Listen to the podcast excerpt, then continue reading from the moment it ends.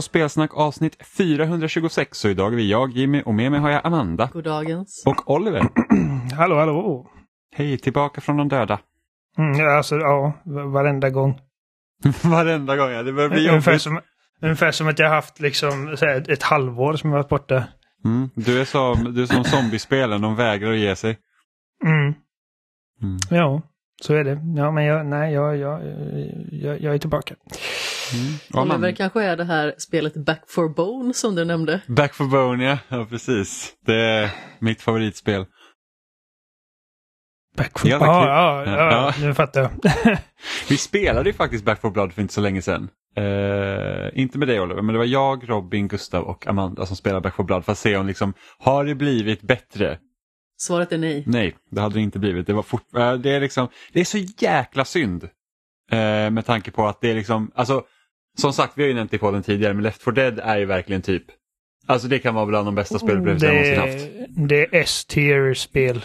Ja, och sen så både Eh. Evolve eh, och eh, Back 4 Blood som är liksom från samma utvecklare i grunden då, liksom och lyckas Mm. inte Nej. med och, och jag tror det är att ett, såklart, det, jag tror Valves medverkan hjälper väldigt mycket för att de har liksom en helt annan Ja, designfilosofi, klart. liksom, hur man liksom tänker eh, runt liksom så här att det behöver inte vara massa jävla bullshit runt omkring utan det, är liksom, det här är spelidén och sen så slipar man på det och det liksom finns en anledning till att monster och sånt ser ut som de gör för att det liksom ska vara enkelt att se vad som Sen är kommer. Och så här.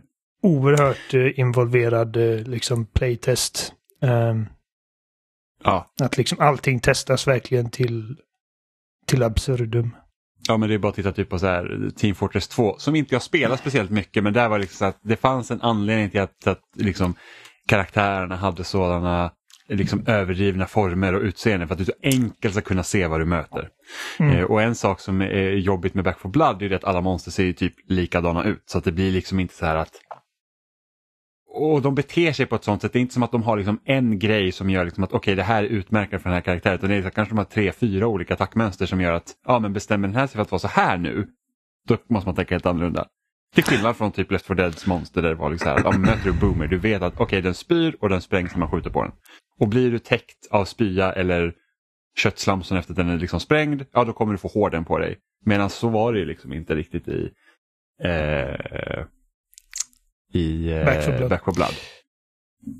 Då, alltså då föredrar jag faktiskt. Jag, då hade jag roligare med Evolve. Jag vet att det hade också djupare dalar. För att det var så här, om en Evolve-match skulle bli liksom så bra som möjligt kan bli så är det många grejer som ska liksom linas upp. Um, du måste ha du måste ha turen att hamna med liksom ett, ett lag som alla är bra på sina olika roller och du måste ha turen att hamna mot någon som spelar monster på ett kul sätt för att liksom um, den här hela Wraithen var ju typ det enda folk körde och den bara typ gjorde sig osynlig hela tiden så det var ju skittråkigt. Men det är några matcher där där alla stjärnor bara liksom hamnar på rad och eh, det här är typ ascoolt. Jag har liksom alltså typ ett enormt jävla monster som jagar mig genom den här skogen. Och Back for Blood är liksom att det är mer konsekvent. Att det är liksom, du har inte de typ alltså, skittrista matcherna där du bara jagar en osynlig orm genom en mörk djungel i 40 minuter för att sen bli slaktad. Eh, men det har inte de topparna heller och det är liksom det har inte den, vad ska man säga, den unika ådran som Evolve hade heller. Så, utan det är typ att det, det påminner om allt annat. Alltså Så- Back for Blood är ju typ en oändlig skitstorm egentligen. För man får ju aldrig någon vila.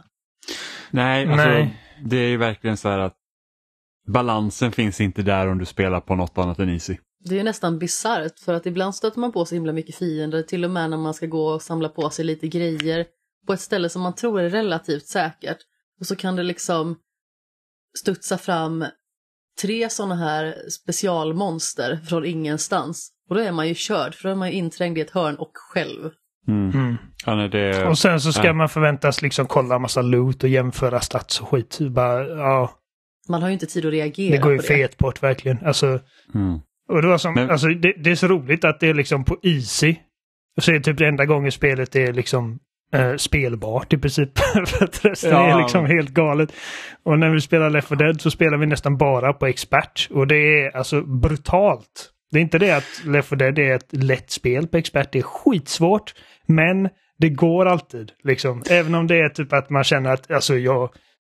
Alltså alla de gånger som vi har suttit liksom så här typ sex timmar och bara alltså vi kommer aldrig klara detta. Men man gör det alltid till slut. Och det är... Mm. Ja, Och, och just med att Left 4 Dead också är uppdelad i olika kampanjer gör ju det också att så här, man väljer en kampanj och sen så bara hur långt kommer vi den här gången? Ja. Det är liksom aldrig så här att nu ska vi klara det utan det är hur långt vi kommer.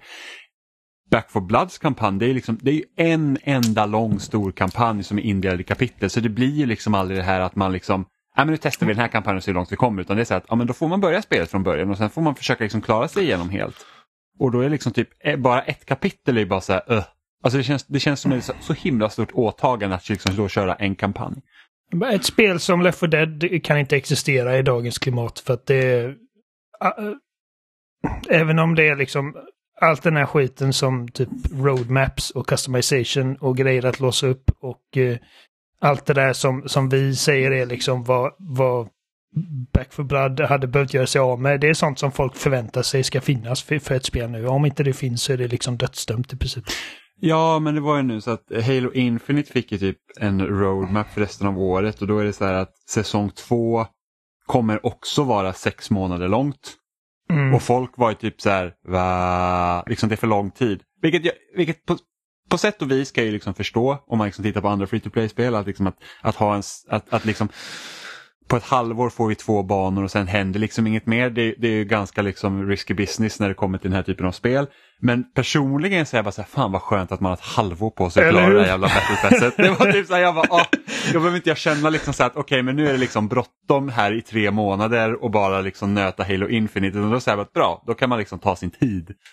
Precis. Eh, ja, men jag tycker Men- också, alltså, ge mig tid att göra grejerna. Men, men, men som sagt, eh, alltså, jag känner att Left 4 Dead är så bare bones. Liksom att det, du har du har tre karaktärer och det är inte det liksom att du kan utsmycka de här karaktärerna eller att de är särskilda på något sätt. De är bara liksom, nej fyra.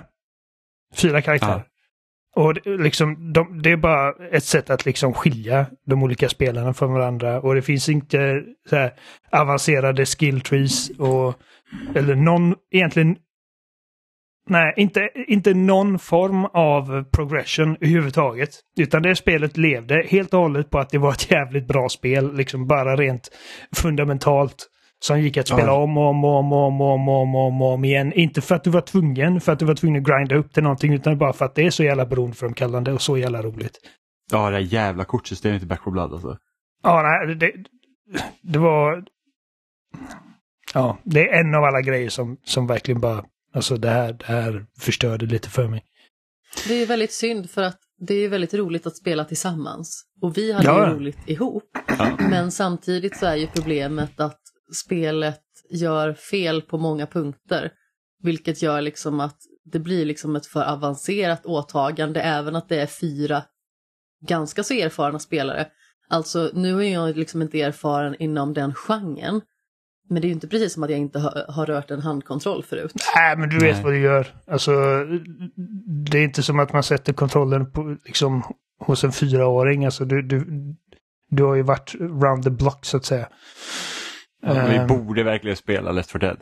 ja, Ja, ja, men jag, jag har det installerat. Jag, det är bara... Jag, jag med. Jag också, så vi borde verkligen bara så här, kanske börja på hard eller någonting sånt. Ja, vi att behöver liksom- inte så att- slänga så- in de att andra på får- expert direkt. För Nej, att alltså eh, det- det, alltså det hade är inte jag klarat när Nej, jag började. Jag, jag spelade ju Left 4 Dead, när jag började spela det så spelade jag på easy.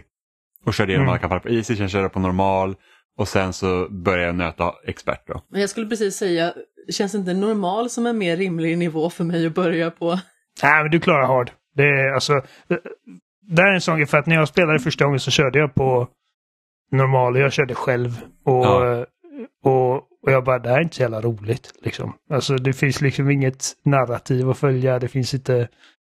Eller det finns ett väldigt ytligt narrativ. Gubbarna pratar om att de måste ta sig till den här platsen men det finns liksom ingen story. Och det är liksom... Eh, utan det var först när, när, när jag spelade med, med, eh, ja, med dig, Jimmy och Robin och Ja. Gustav och Sebbe och Jeremy. eh, på de riktigt högre svårighetsgraderna när liksom en zombie kan vara typ slutet på ditt liv. Det var då det spelet klickade för mig. Ja, Eh, ah, fy fan vad roliga matcher vi har haft alltså. Ja, gud. Och speciellt när vi kört versus också. Det var så jävla roligt när vi mötte det laget som var så sjukt jävla duktiga. Att jag aldrig varit med om något liknande. Vi bara stod i safehouset och vi bara hörde hur det bara flockades av special zombies utanför. Vi var så här, Ja, vi vet att när vi öpp-. Och... Ja, man, var så här, bara, man vet när man öppnar dörren nu så är vi körda direkt och det var ju liksom, det var ju Ja. totalt kört. Ja. Det var som att porten till helvetet öppnades. Ja men Och det var verkligen. liksom- Det var en jävla jockey och det var en jävla smoker och så kom den där Robin jävla blir ivägtagen med Charger. Bara, ah! Och så, så här, ja, 30 sekunder senare fanns det ingenting kvar längre. Det var liksom totalt kört. Fantastiskt. Det låter inte så Ja. jävla roligt liksom. Ja, vi blev så jävla sönderkrossade liksom. Men, men alltså, det... Ja, men det var en upplevelse. Ja, verkligen. Ja, vi får spela Eh, det för det. Ja, men jag tänkte bara det, det här med att eh, Halo Infinite till exempel, att det kommer två banor nu nästa halvår, vad vi vet i alla fall, om de inte liksom så här känner att de släpper flera under tidens gång. Men så här att Mm. Jag tror, alltså nu, nu, har det ändå, nu har vi ändå haft ganska länge det här med att ja, men online, liksom DLC och sånt, det behöver inte man köpa längre utan det är liksom gratis för alla och sen så liksom sprinklar de ut lite banor lite då och då. Jag personligen så föredrar jag fortfarande när det kommer rejäla map packs. När man typ så här, här har du sex nya banor, boom! Och sen så kan man spela dem. Istället för att det kommer typ en här, en där. Jag, jag är liksom- kluven för att jag förstår varför du tycker så. Vi har pratat om det förut. Eh, men liksom, jag vet att jag, liksom, när man tänker tillbaka på typ, när man spelar Halo 4 och Reach eh, och, och man köpte map packs. eh, så blev det liksom att det, det är liksom en ganska liten skara som, som skaffar Ja, alla absolut. banorna. Jag vill ju inte ha Och- det så att banor inte är gratis längre eftersom jag, det, det, blir, alltså, det blir så att ja, du kunde spela typ två veckor och sen så spelar alla bara de gamla banorna igen. Men liksom Mm. just det här att den här liksom drop-feeden av, av content om man säger så, är liksom så här att det är inte, jag tycker inte att det är speciellt kul för det är så att okej men här kommer en ny bana och sen ska man liksom hoppas att den kommer då. liksom. Och sen så har man liksom, får man spela om och om igen de andra banorna som man liksom har eh, nött sönder redan. Mm, alltså, eh, eh, just när det kommer till säsong två av Halo Infinite så det jag, jag är faktiskt rätt taggad, ärligt talat, för att jag, jag har inte spelat mycket Halo det senaste. Det har blivit så mycket annat med Elden Ring och, och allt annat man spelat. Och jag har också spelat Batman precis som du gör, så jag tog mig igenom Asylum City och Knight alldeles nyligen. Um, På en kväll. Nej, inte riktigt.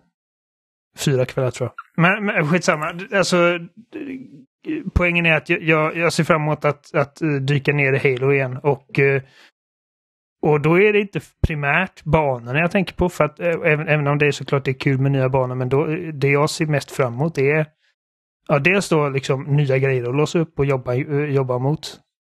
Vilket är så jävla, alltså vilken hycklare jag är. Jag sitter och klagar på progression-system i Back for Blood. Men ja. Ehm. men, Ja, men, men det är också... inte som att du liksom måste typ, du behöver låsa upp ett nytt battle rifle för att det är bättre än ditt andra battle rifle. Nej, precis. Jag, jag tycker bara det är kul att utsmycka min Spartan med grejer. Ehm, Ja. Förhoppningsvis är det Och, här eh, battle passet roligare. ja. Ja, det får vi se. Det, det vet jag inte, men... men... Jag, jag hörde typ att de ska fixa det här, du vet det finns ju de här kitsen som man kunde liksom, att vill du se ut som eh, någon spartan från Reach så behövde du liksom, då satte du på det kittet och sen så kunde du liksom inte ta bort några delar utan det var det. Ja. Eh, jag har för mig att de ska ändra det nu så att du kan välja ut. Så att ja, men vill du bara ha den här hjälmen så kan du ha det eller vill du bara ha de här axelpaddarna så kan du typ ha det. Jag hoppas Med det. tanke på hur mycket, liksom, hur mycket eh, snack och kontrovers det var kring just Battle Passet och allting när det kom. Så det hade chockat mig om det inte skulle ha sett förbättringar på olika sätt. Mm. Ehm, men fra- kanske framförallt det jag ser fram emot i nya lägen och spellistor. Jag vet att de ska introducera Team Doubles. Ja, Ehm, vilket är alltså, bara för dig och mig, så det, det, det är liksom en, en favorit playlist. Ja. Där man eh, går upp två mot två. Ehm, och det kommer inte dag ett nu den 3 maj, men det ska komma under den här säsongen. Mm. Ehm, Något jag- saknar har jag märkt nu och det är så att jag brukar inte så mycket köra rankat liksom i spel utan man hoppar in i quick play så kör man det. Eh, Mm. Men vi hade ju skitkul i Halo 5 när vi körde rankat typ i antingen Team Slayer eller Team Doubles. Ja, ja, ja. Och nu, och nu när inte rankat, alltså hade rankat funnits i fler playlists i Halo Infinite så tror jag jag hade spelat mer ärligt talat. Mm. För att just nu är det så här att jag, jag har inte lust att liksom hoppa in i rankat själv och sen kanske det blir liksom någon så här team objektiv och så hamnar man på ett dåligt lag som inte vet vad capture flag är och så man så här, ah, det känns surt. Ja, men det, det, det har gjort att alltså, jag spelar fortfarande del rankat men det, det är nästan enbart när jag har andra alltså kompisar att spela med. För att Mm. jag hoppar liksom inte gärna in rankat själv. Om det inte är för någon challenge eller någonting. Eh, Ja, ja men precis. Men...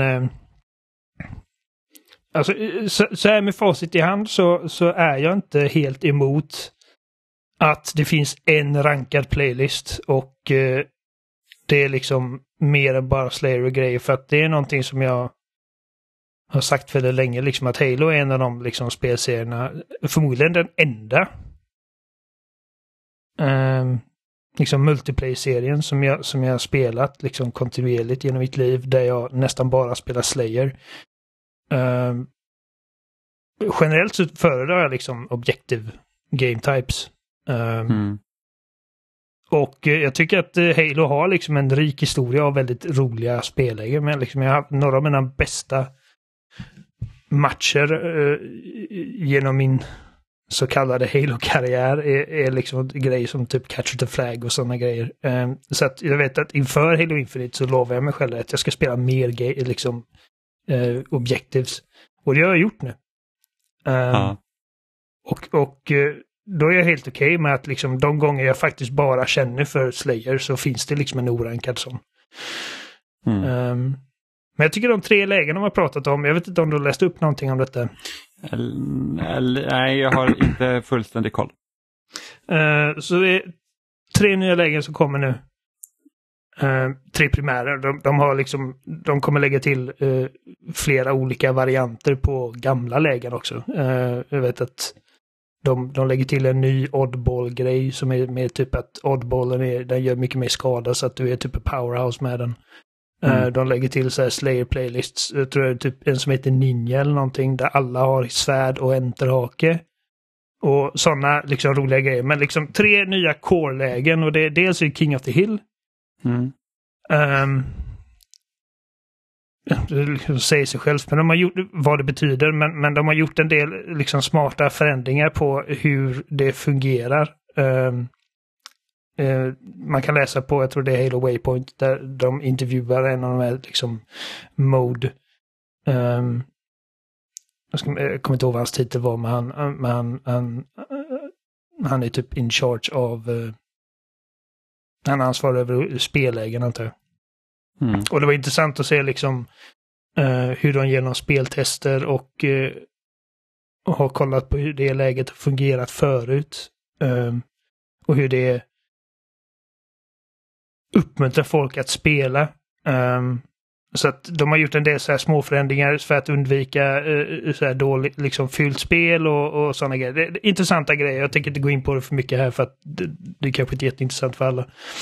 Um, men sen har man något som heter Landgrab som är, uh, det är också en, en, en zon. Uh, ett zonläge antar jag. Som, uh, tänk strongholds fast uh, det är tre zoner som spanar på kartan och när du har tagit en av dem så är den låst och den är din. Och när alla tre zoner är tagna så spånar det tre nya. Um, Ja, okej. så att det är liksom konstant liksom att man är typ eh, på hugget och eh, måste vara uppmärksam på vad som händer.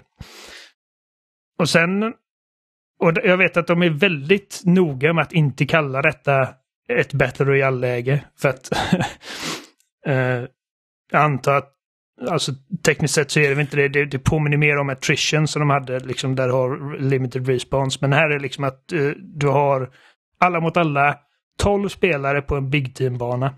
Och Mm. den, som, den som, det är bara en spelare som vinner då. Och jag tror att ehm, jag tror att det är att man har fem respons. Så att du kan liksom dö ett par gånger innan det är helt kört för dig.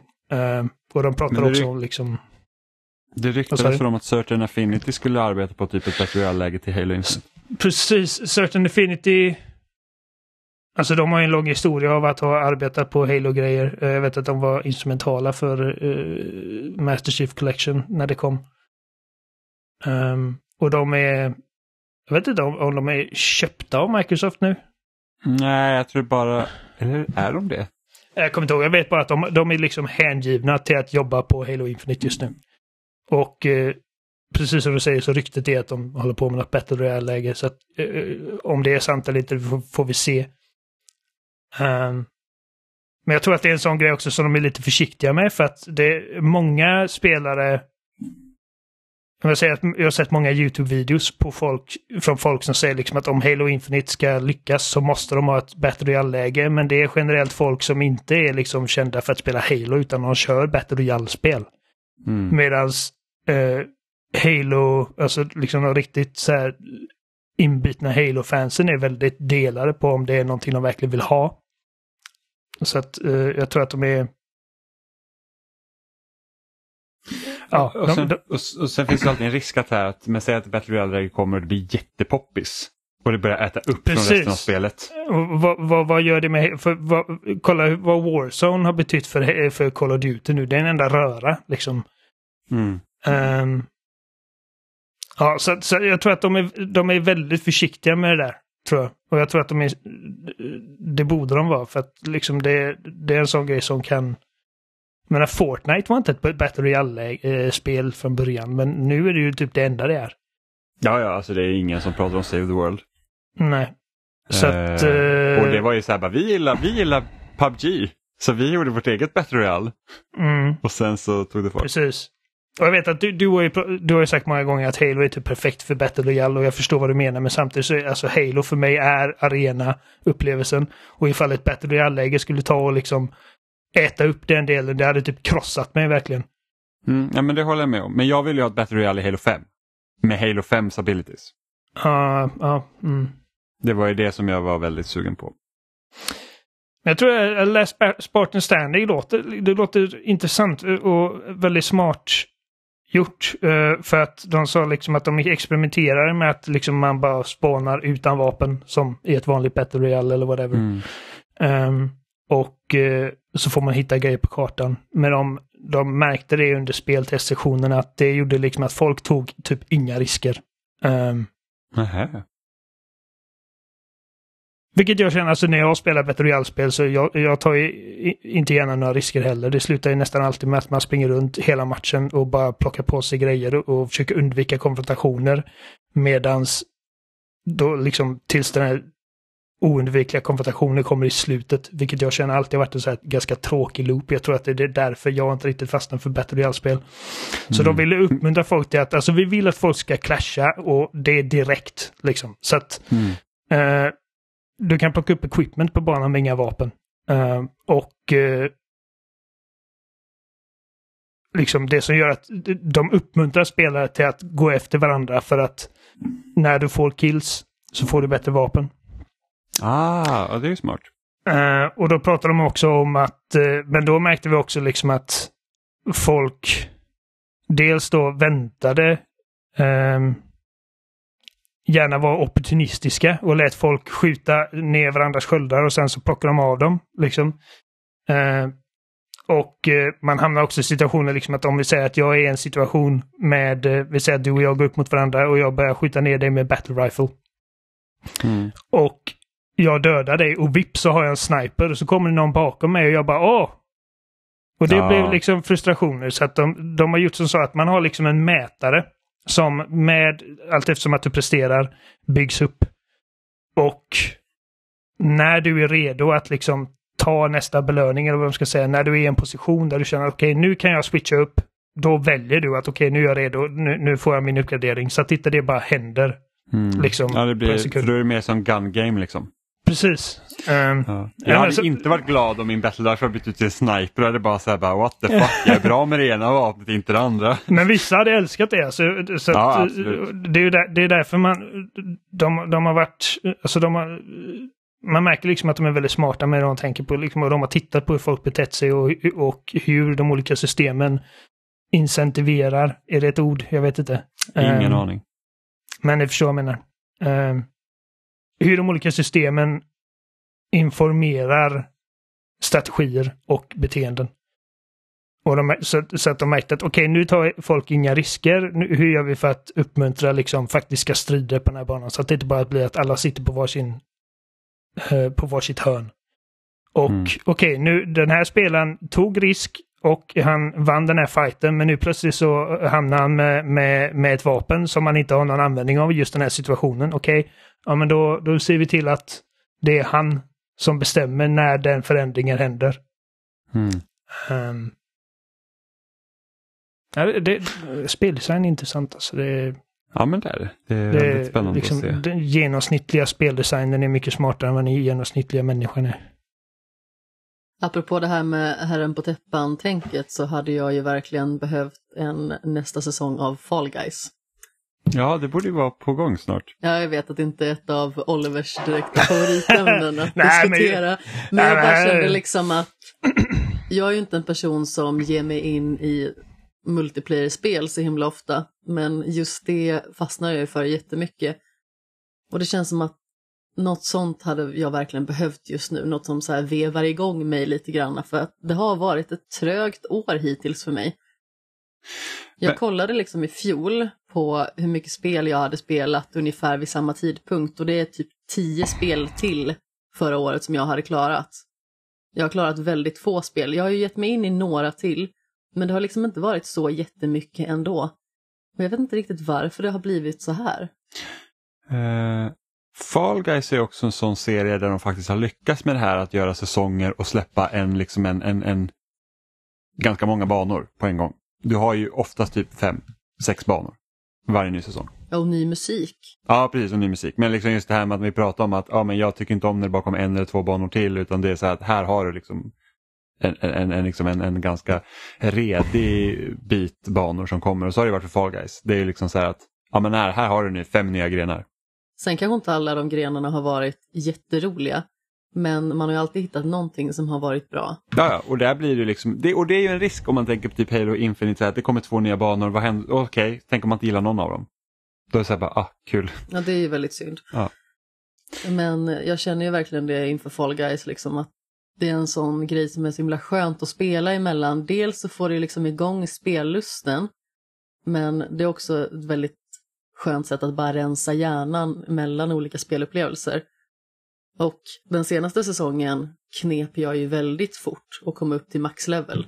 Mm. Även att jag trodde liksom att men det här kommer ju typ inte gå. Det här kommer ju gå jättelångsamt. Men det gjorde det tydligen inte. Så att eh, ja, det var ett tag sedan jag spelade Fall Guys och det är lite halvsvårt ändå att motivera sig när man liksom inte får så mycket belöning belöningen är ju väldigt trevlig liksom för eh, psyket. När man liksom känner att men, här går man upp en ny nivå eller här får man det här tinget, även att det kanske är helt betydelselöst om man inte kommer använda det. Mm. Men apropå... Jag, jag ville bara påpeka det också Amanda att eh, eftersom att jag pratar om Halo varje, en kvart varje vecka så, så får du absolut prata om Fall Guys när du känner för det också.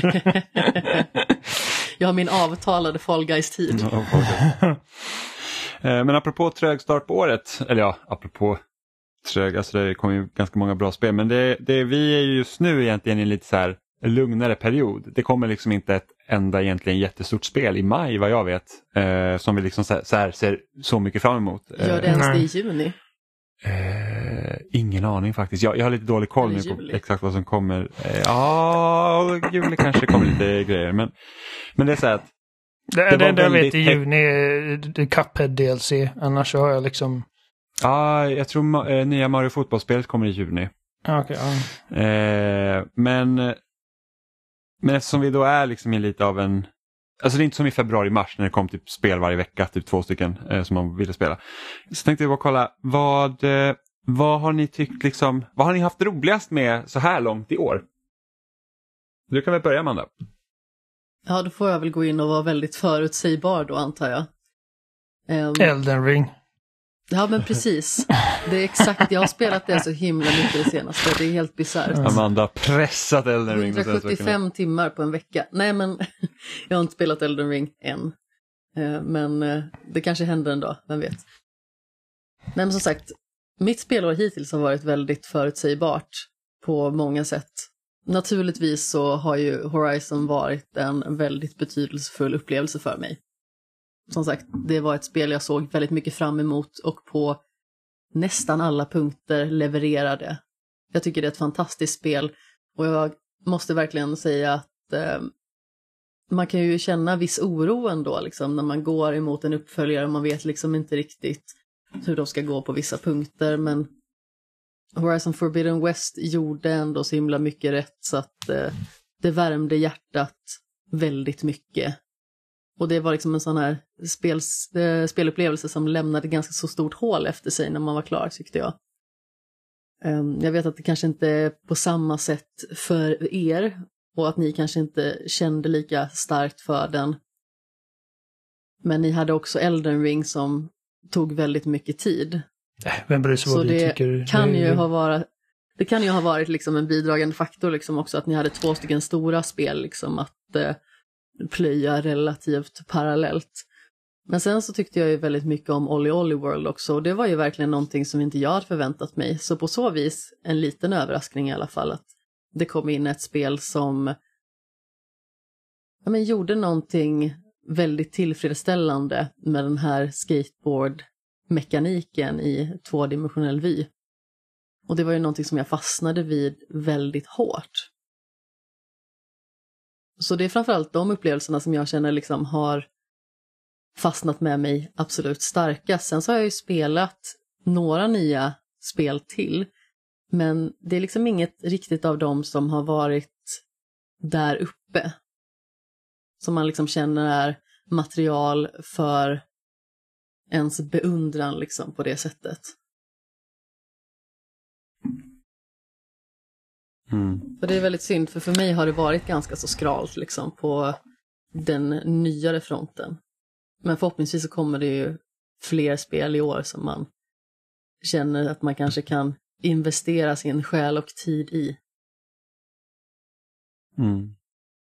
Vad känner ni då? Ja, Oliver, vad har varit, vad har varit mest spännande för dig? Uh, um, Ah, uh, Eldring. Alltså, eh, jag känner inte ens att jag behöver gå in på varför. Alltså, det,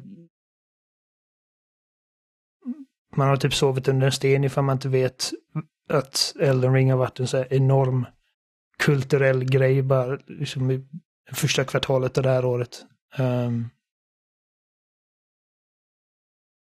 det, bara, det bara är så jävla bra. Och det, det är definitivt årets spel hittills för mig. Uh, men eh, jag tror att jag tror att jag är lite förvånad så här just nu hur hur ja, alltså Förlåt, nu kom jag av mig helt för att det, det började skrikas här utanför. Förlåt mig. Uh, Är du förvånad över vad då?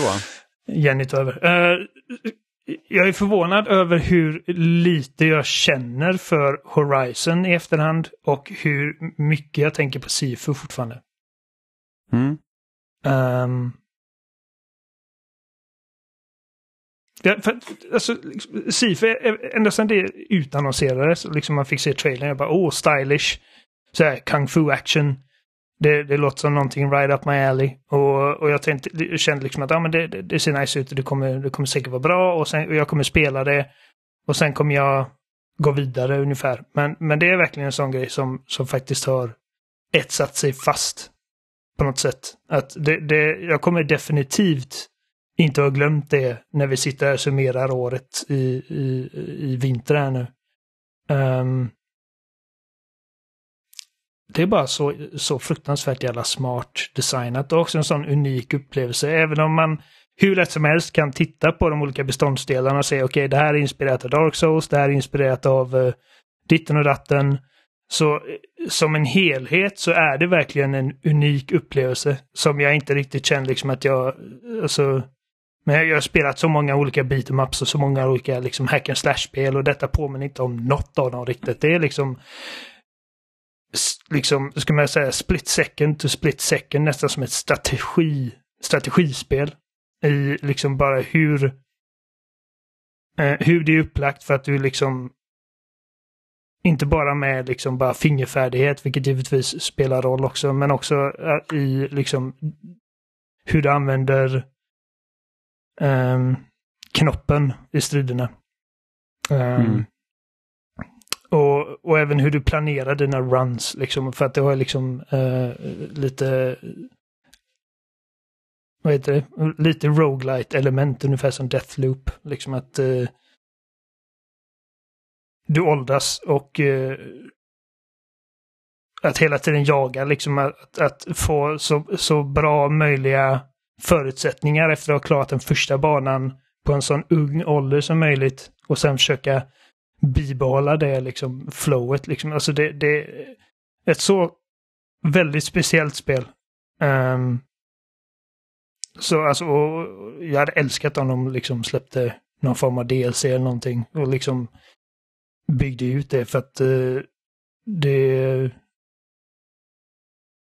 Ja, det, det blåste mig verkligen i stolen för att jag liksom... Jag, jag förväntade mig någonting som skulle vara mekaniskt. Um, liksom stabilt. Och... Och någonting som skulle underhålla liksom i typ 4-5 timmar. Men, men det är så mycket mer än bara liksom en, en, en ännu en i raden av så här, typ eh, actionspel med någon form av, um, ska man säga, martial arts bakgrund. Um, fan vad smart det spelet är. Och bara väldesignat och, och polerat. Nu har jag inte spelat Sifu, men man känner ju verkligen att på pappersnivå så är det ju liksom väldigt intressant.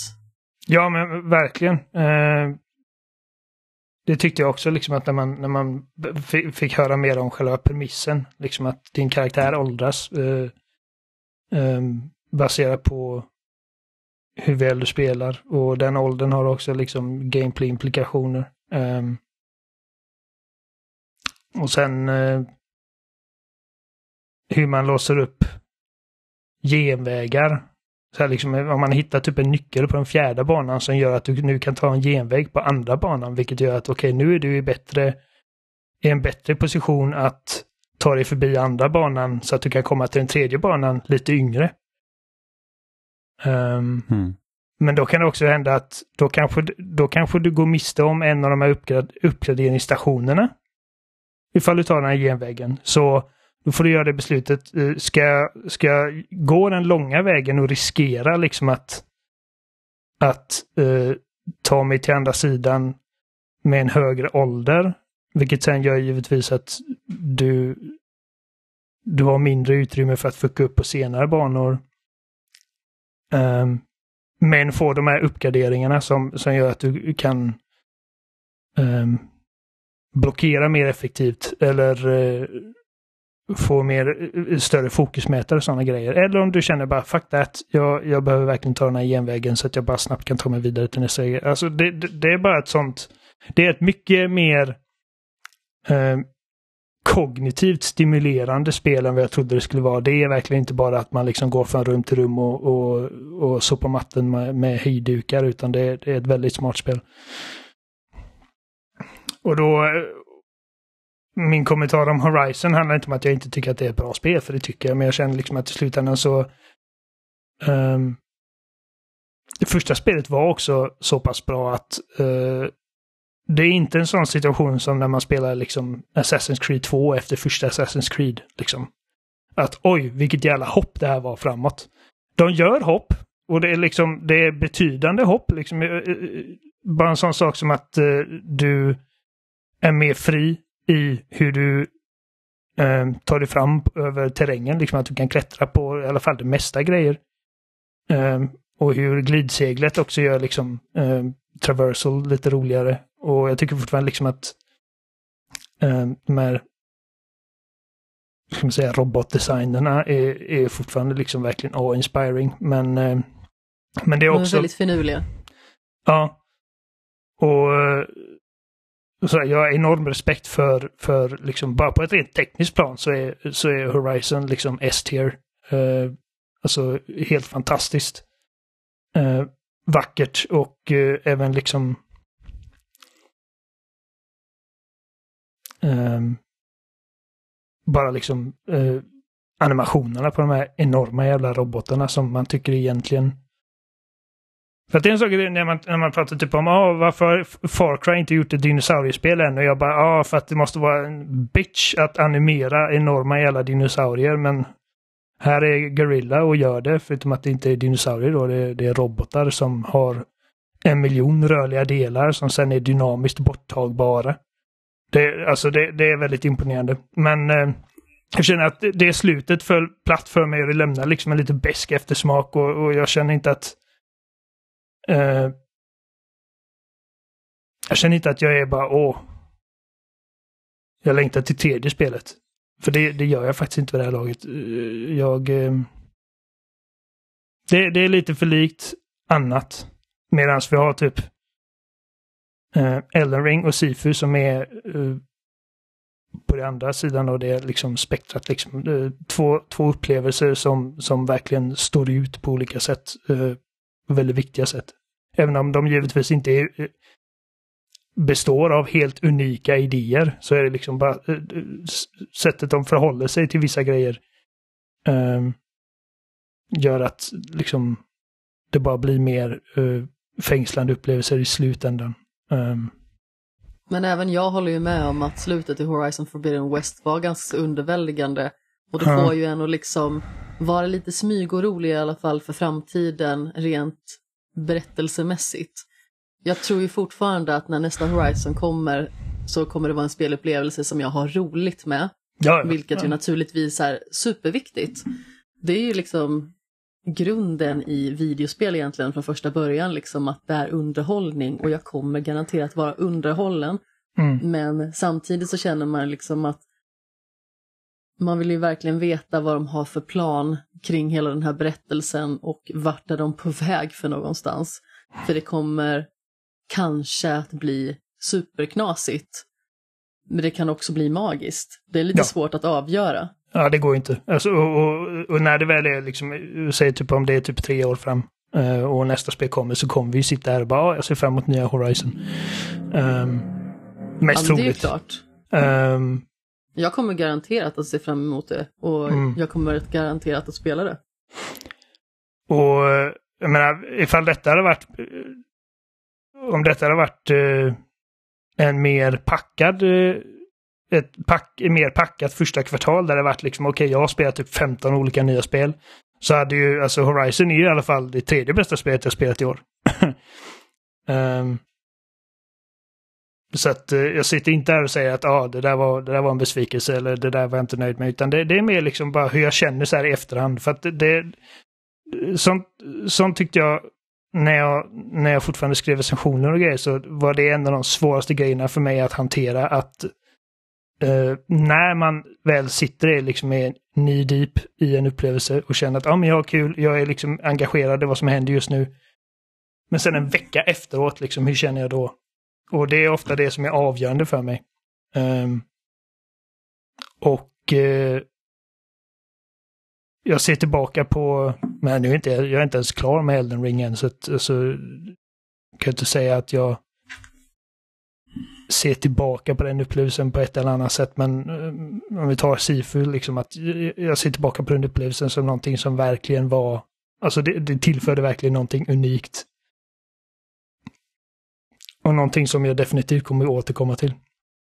Eh, medan Horizon är, jag är färdig med det där. Jag, eh, jag har liksom inga starka känslor för varken, varken åt det ena eller andra hållet. Um, men ja, ja men det är där jag står. Jimmy? Mm. Eh, det är svårt tycker jag. Liksom att veta exakt vilken upplevelse jag tyckte var bäst. För att det är nog jag gillar ju Elden Ring väldigt mycket. Men det är inte riktigt den här eh, samma liksom slag i magen som det är för många andra just för att jag tycker att utmaningen som, som liksom från Software-spel liksom erbjuder gör så att det andra saker som jag tycker om gör det svårare. Alltså liksom så att, visst, utforskandet i Elden Ring är, kan vara jättekul ibland. Tills man liksom träffar på en liksom jäkla tröskel och bara säger att aha, men nu, nu suger verkligen livet överallt i den här världen. Liksom. Förutom att man går ut på början och bara så här slår på några skelett. Ehm, och det gör liksom så här att det, det, är, det är väldiga toppar och dalar i det spelet. Eh, även om jag tycker liksom att det är kul. Och det är då man hamnar på den nivån att man behöver låta bollar ramla ner för klippor. Ja, ja men precis. Eller typ slakta fiender som inte gör någonting för att de är jättebra med eh, runes. Eller liksom så här att, för att för många så blir liksom Elden Ring det här att åh vad kul jag upptäcker allting själv medan jag är så här okej okay, hur kan jag minmaxa liksom det här spelet så mycket som möjligt och då gör jag att jag kollar på wikisidor och ser liksom vilket vapen är bra just nu, eh, vad är det för bra strategi på den här bossen. Liksom, jag tar till hjälp vilket gör att då skiljer sig inte den upplevelsen från mycket annat liksom när man säger att ah, men nu ska vi typ leta collectibles jag har en guide vid sidan om. Liksom. Det är inte exakt samma sak men det är liksom lite samma känsla att, att jag, låter jag tillåter inte mig själv att upptäcka världen organiskt utan jag tar till extra hjälp för att jag vill inte liksom fastna mer än nödvändigt. Eh, sen så tycker jag att Ellen Ring är helt fantastiskt ändå. Men du har ju Eh, också ett sånt behov av att hela tiden vara så otroligt aktuell i ditt spelande. Så då blir det ju också svårt att tillåta sig att förlora sig totalt liksom i en sån spelupplevelse och låta den äta upp all levande och andandes tid. Ja, alltså det är inte omöjligt egentligen. Alltså, och det, det går direkt att jämföra typ med Breath of the Wild. Liksom. Breath of the Wild kunde också vara utmanande men aldrig liksom så svårt att det kändes som att om jag går till den här liksom typ skogen som finns här på sidan så vet jag att jag liksom, alltså jag springer in och jag kommer inte ut med heden i behåll liksom, för att jag har blivit så totalt ägd. Utan det blir ändå så här att där går det att experimentera för jag känner att spelet tillåter mig att experimentera på ett sätt som inte gör att jag blir bestraffad om jag gör fel. Eh, vilket jag känner att Elring kan göra just för att det är mycket mer utmanande. Men det är bara för att jag är inte bra på, på de här spelen liksom, by default. Eh, men som sagt det är ändå fortfarande en av de bästa liksom, upplevelser jag haft i år. Och, och jag, har, jag tog faktiskt alla achievements så att det är liksom inte som att jag inte har spelat det eh, ordentligt. Eh, men jag skulle vilja också slå ett slag för Olly Olly World som jag tycker är liksom ett helt fantastiskt liksom 2D-skate egentligen. Eh, och jag har ju spelat första Olly Olly och sen så tror jag jag testade tvåan lite kort och liksom så att jag tyckte om dem. De spelen var liksom roliga men de hittade verkligen formen med World. Liksom bara liksom sett till hur spelet ser ut och hur det känns. Eh, vilket är helt fantastiskt. Eh, och sen så är det också Nobody Saves the World som jag tycker är liksom skitbra. Eh, som släpptes i januari tror jag.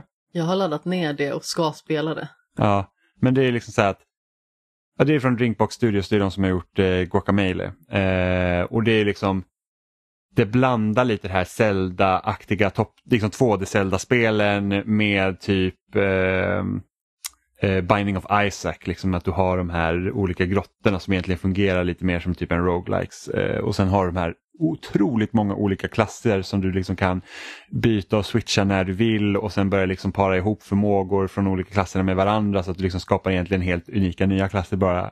Eh, var så himla roligt och just det att, liksom att även om man känner ibland att ah, den här klassen är ingenting som jag tycker är speciellt bra men liksom du kan ändå pushas till att börja använda dem när du levlar och så och, och sen så liksom hittar du ett sätt för hur det fungerar för dig så gör det också att det är liksom väldigt kul att börja testa liksom nya olika förmågor.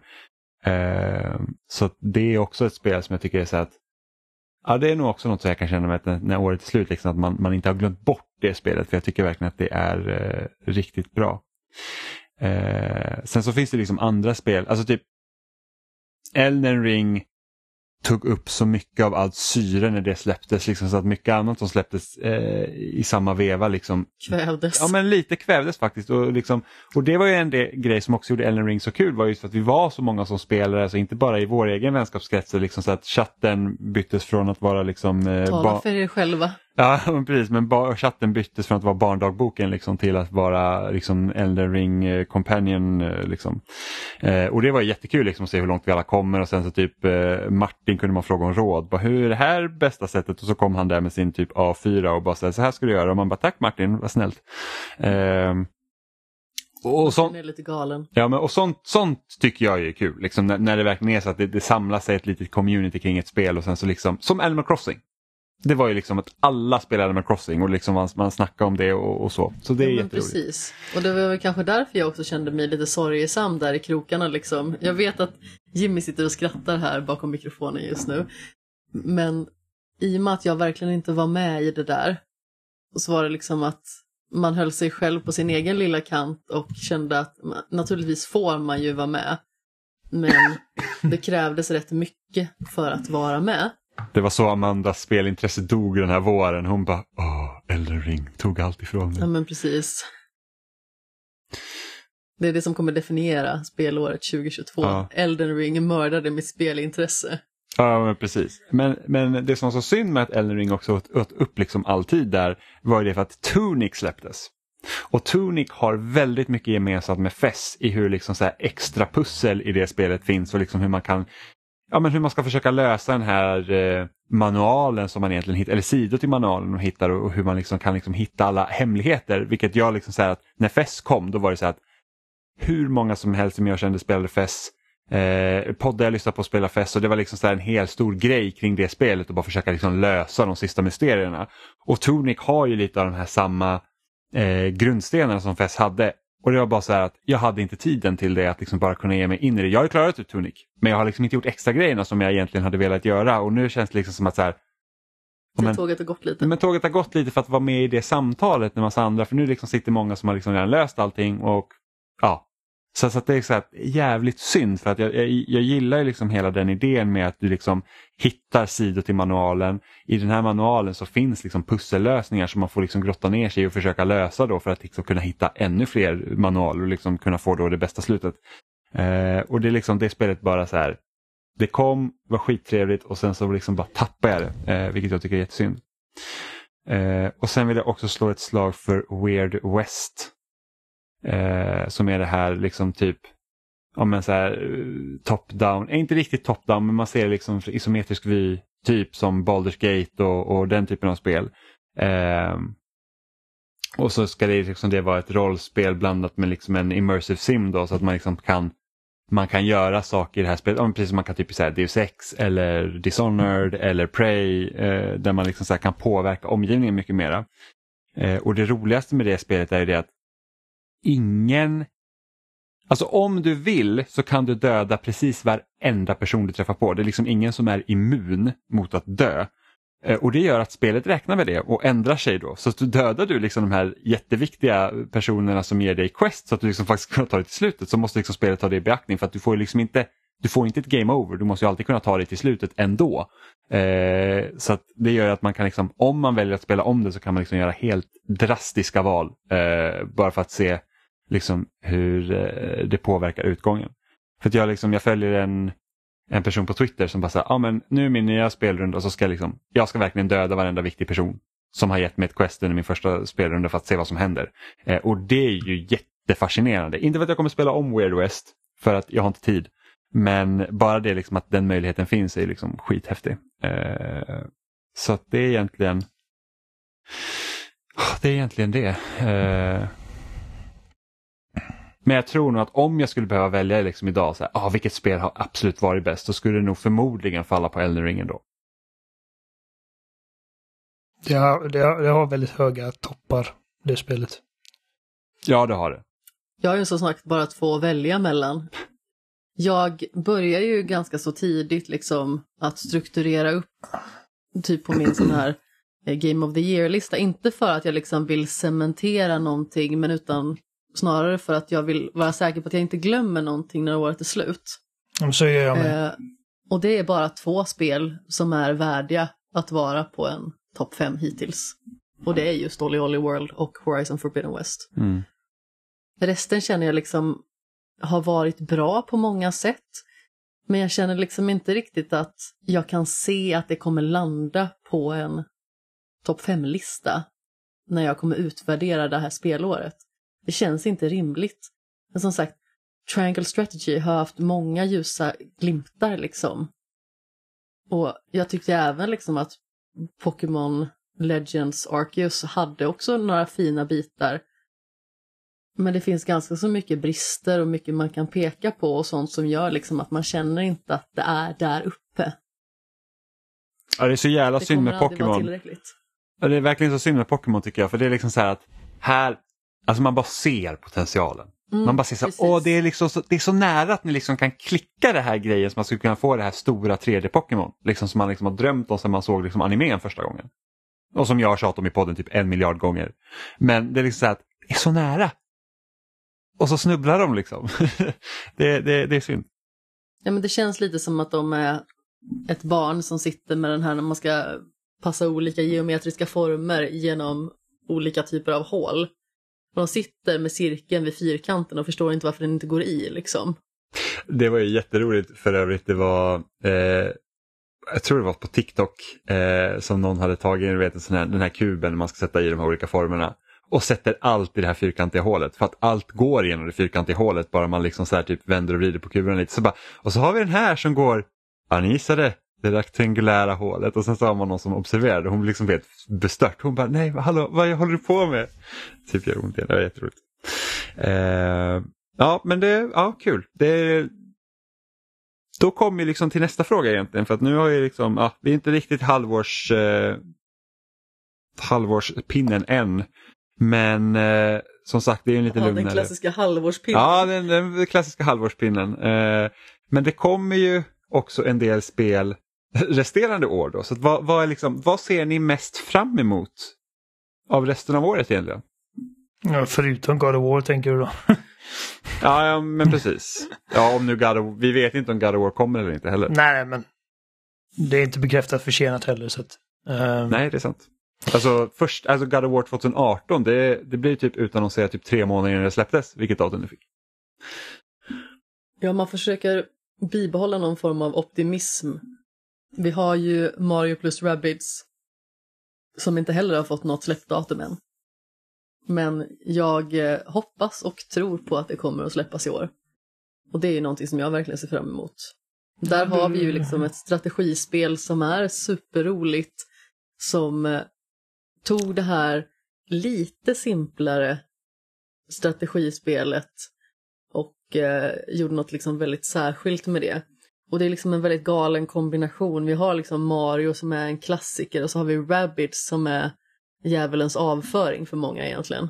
Ja, det är precis och vad så de slår är. man liksom ihop det och skapar någonting som är väldigt charmigt och eh, väldigt lättillgängligt på något vis. Och sen sätter man den här knasiga kombinationen på ett strategispelplan. Jag tyckte det var väldigt fascinerande hur väl det fungerade och alla element samspelade. Och som sagt, det är lite simplare och det är inte oöverkomligt. För vissa strategispel kan man ju känna liksom att jag är den mest inkompetenta människan i hela världen. Det finns ingen mer korkad än jag. Men här känner man liksom att ja, men bara jag försöker att finslipa min taktik, då kommer jag förr eller senare klara det här. Det är bara att nöta och det är att vrida och vända på det här för att kunna hitta en lösning. Samma känner jag med kanske lite lättare nivåer av Fire Emblem, för jag kör ju inte med en permanent död till exempel. Där har man liksom också det här att man känner att det kommer att gå. Förr eller senare så hittar jag lösningen. Planeterna står i linje och så vidare. Mm. Ja, men Ja, eh, det det, Rabbids känns lite orimligt att det skulle kunna klämmas in i, i år. Ehm, Det var ju ett augustispel 2017. Ja, det är lite frågan om när, för att det är, alltså Nintendo har nästan ett spel i månaden. För de har, de har Switch Sports som kommer nu i april, sen tror jag maj är paus och sen har de Mario Fotboll. Sen kommer Xenoblade 3. Sen är det paus i augusti och sen kommer Splatoon. Och sen Ja. har de Pokémon förmodligen i november. Lilla augustihålet där Så det är varit au- fint. augusti, oktober har hål. Eh, december skulle kunna komma ut. Sen så måste de ju passa in Advance Wars någonstans också. Som skulle egentligen ha släppts i mars. Ja, ja, men precis. Sen apropå augusti så flyttades ju Two Point Campus från 17 maj till, jag tror att det var 19 augusti om inte jag missminner mig. Nu får ni gärna slå mig på fingrarna ifall jag har fel här, men det Den var ju 9 väldigt augusti. Nionde, det var nia med i alla fall. Sablar. Tusan också, järnspikars! Ja, ja, men precis. Det är ett spel som jag ser jättemycket fram emot för att Two Point Hospital som jag spelade i fjol var ju en väldigt rolig och knasig upplevelse. Och precis som Mario plus Rabbids så kombinerar det så besynnerliga element och gör någonting väldigt roligt med det. Alltså vi har ju liksom en sjukhusmiljö. Och sen så sätter vi de mest bizarra diagnoser som man kan hitta. De är ju liksom inte ens verkliga. Och sedan så har vi liksom alltså simulerandet där. Så då ska man liksom eh, hitta de smidigaste vägarna att bygga upp ett välfungerande sjukhus och hitta system för att eh, se till att folk får den hjälp de behöver med sina bisarra sjukdomar. Jag tyckte det var otroligt trivsamt och eh, det var väldigt lättsamt dessutom. I och med att man också hade den här humoristiska aspekten i bakgrunden. Och jag kan tänka mig att Two Point Campus kommer ju garanterat hålla i det. Och eh, just den här universitetsmiljön är ju väldigt lockande.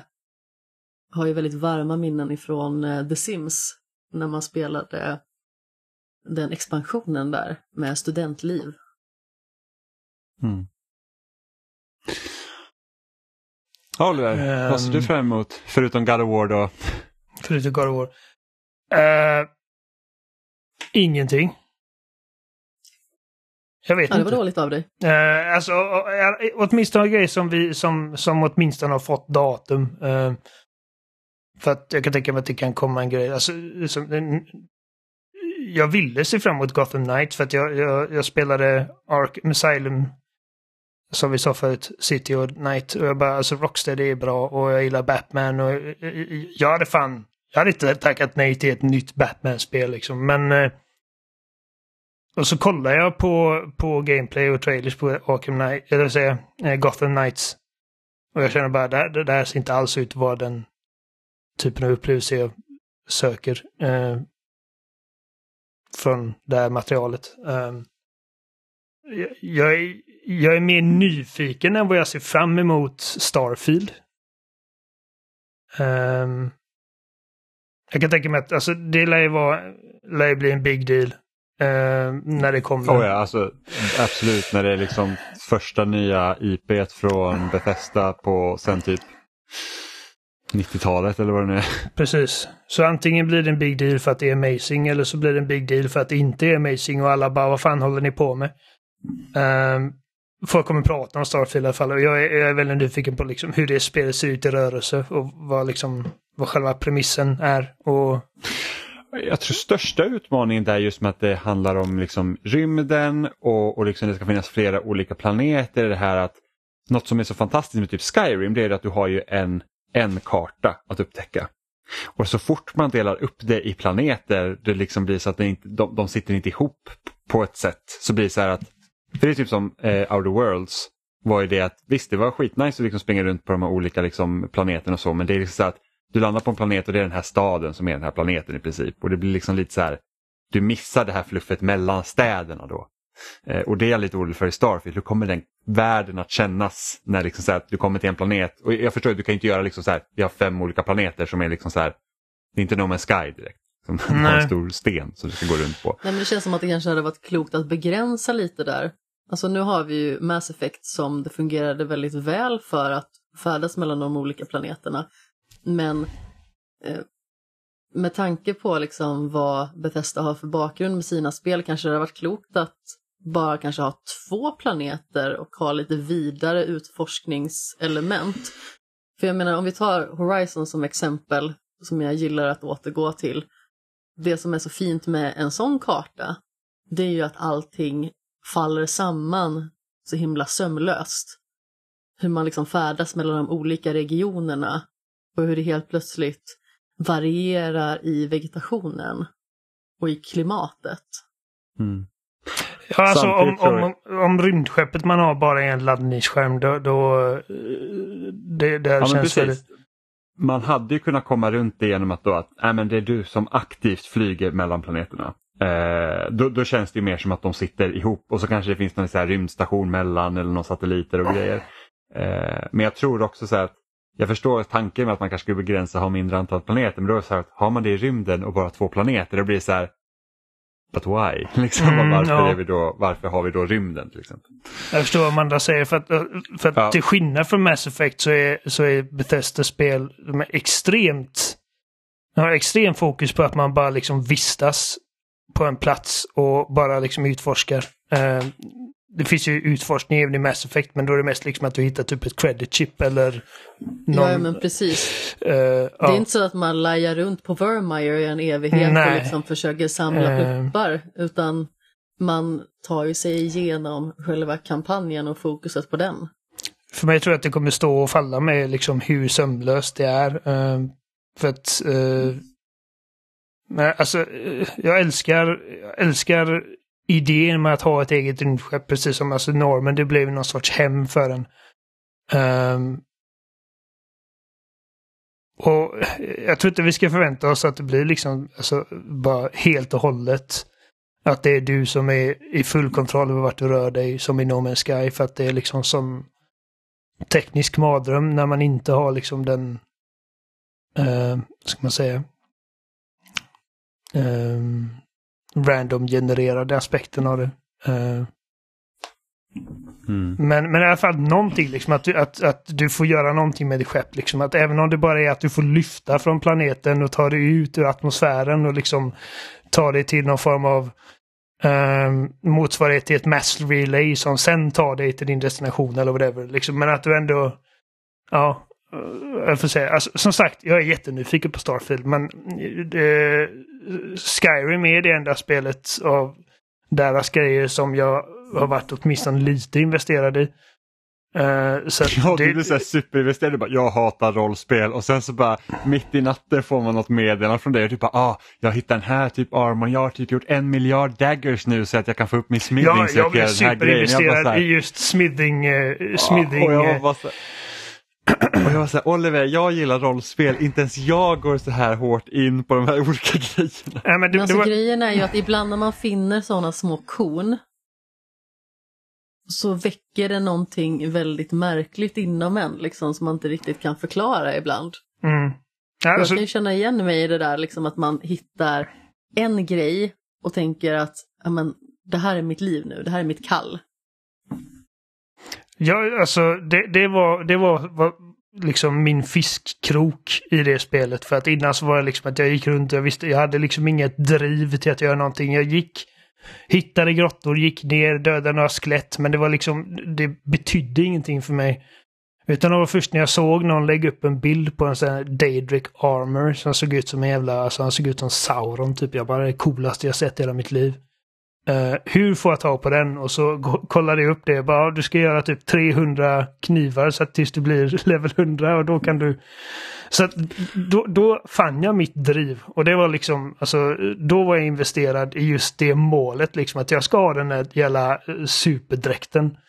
Men utöver det, alltså jag, jag, fann liksom ingen...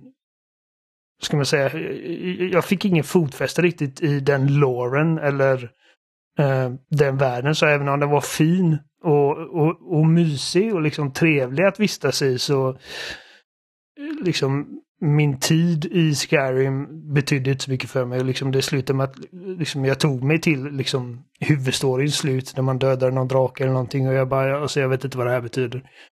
Ehm, och Apropå Fallout... det här med fiske. Nej, förlåt, säg du Oliver. Nej, nej, ta, ta du, ta du fiske.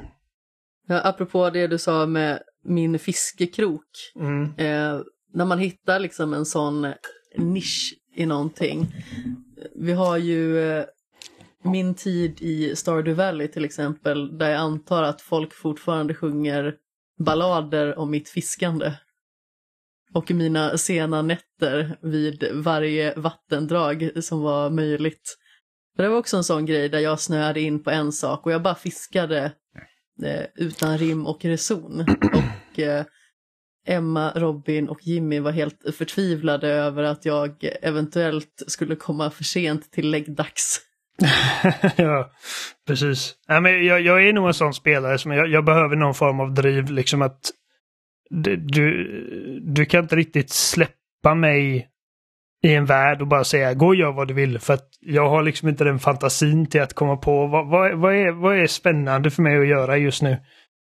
Jag tror Ehm, att vi är lite lika där faktiskt, för jag känner igen mig. Ja, Ja, men, alltså, ja nej. Och, och jag, jag har också jättelätt att fastna i fiskeminispel och grejer. Um, alltså, jag tog varenda legendariska fisk i, i Red Dead. Um, inte för att Red Dead är ett spel där jag behöver fastna i fiske för att där är liksom storyn som driver framåt. Men uh, ja. Nej, så att, alltså Bethesdas liksom rollspel, även om jag vet liksom att de, de, de är enormt, alltså legendariska. I, i liksom genomsnitt legendariska. Skyrim är en av de typ mest framgångsrika spelen någonsin. Um, så Fallout eh, funkar inte riktigt för mig. Eller pissbruna, eller pissgula och bruna och bara stela. Um, återigen liksom att jag, jag vet inte vad, jag, vad, jag, vad det är tänkt att jag ska göra i den här världen. Och Fallout 4 var typ samma grej. Så att, um, jag skulle inte säga att jag ser fram emot Starfield, men, men, men jag är väldigt nyfiken på det. Och liksom på, på vilka sätt de tänker höja ribban, för att det känns som att det, det behöver de göra. Uh, eftersom att det är det första nya IP på uh, tusen år. Um, så det är jag nyfiken på och jag, ser fram emot att det kommer bli kul med Splatoon 3 och jag, jag hoppas innerligt att man faktiskt kan spela, liksom, att det har liksom grundläggande multiplayer-funktioner som har funnits sedan 2004 nu. Um, ja, att man söker tillsammans och faktiskt hamnar i samma precis, lag. Precis, så att det inte blir liksom att uh, Amanda hamnar ensam i motståndarlaget och vi kör över henne. Eller att eh, jag hamnar en, ensam i motståndarlaget och ni kör över mig. Och, för att, för att det, det är liksom inte... Det är inte kul. Det, det, det är typ det som dödade liksom, eh, ska man säga, eh, långvarigheten i Splatoon 2 för oss tror jag. Ja, alltså det kan ju vara kul så länge det är nyhetens behag. Liksom, att haha, mm. nu hamnar någon i sitt ensamma lag. Liksom, Gud vad kul medan vi lär oss spelet. Men sen när man kommer till den här punkten att okej, okay, men nu vill vi köra lite seriösare och vi är tillräckligt bra för att faktiskt kunna känna så här att ja, men vi vill vinna. Ja. Och nu har jag varit ensam för sjunde gången och ja, det är men, inte kul längre. Ja, men då dödar det för det är så här, what's the point? Liksom, jag vet att vi inte kommer vinna nu för att ja, och även om det är liksom att det behöver inte vara att en hamnar. Det kan vara liksom att två av fyra hamnar. Alltså att det blir två liksom på varje lag. Och så plötsligt så är det ett, ja, vad fan. Um, nej, så att, eh, inte för att jag skulle säga att jag känner mig confident att Nintendo faktiskt gjort någonting åt det där. För det, det är Nintendo, vet, man vet aldrig. Men uh, jag hoppas det och liksom Splatoon är kul så, så det blir roligt när det kommer. Um, de är väldigt oförutsägbara på det sättet, Nintendo. Ja, verkligen. Och sen är jag, alltså mm. detta är liksom en nyare grej som kommer fram, men och jag, det är inte heller någonting jag skulle se, som jag ser fram emot, men det är också extremt nyfiken. En av de mest bizarra crossovers jag sett. Um, Kingdom Hearts 4. Ja, oh, nej, nej. Nej, jag skojar bara. Fuck that. Alltså, trodde först att Oliver fick en hjärnblödning. ja, precis. Ja. Oh my god, my heart can take this. men ja, men det har jag utannonserat, ja. Precis. Um, mm. nej, nej, men jag tänkte på uh, Warzone crossover med Godzilla och Kong. Vilket jag känner är... Hur fan ska de göra gameplay av det? För att alltså... Men det är en cool trailer. Man ser liksom Kong slå ner en helikopter i en djungel och så kommer Godzilla ur vattnet och, och de går hem på varandra. Och så är det. Alltså om det är någonting som jag är liksom alltså barnsligt förtjust i, nästan till den liksom grad att det är löjligt, så är det bara stora monster som bankar på varandra. Um, och inte bara bankar på varandra, bankar ner städer. Liksom, alltså Godzilla är typ, alltså, han är min husgud och har varit det sedan jag var liten. Och liksom även i de dåliga filmerna så finner jag grejer att älska. Um,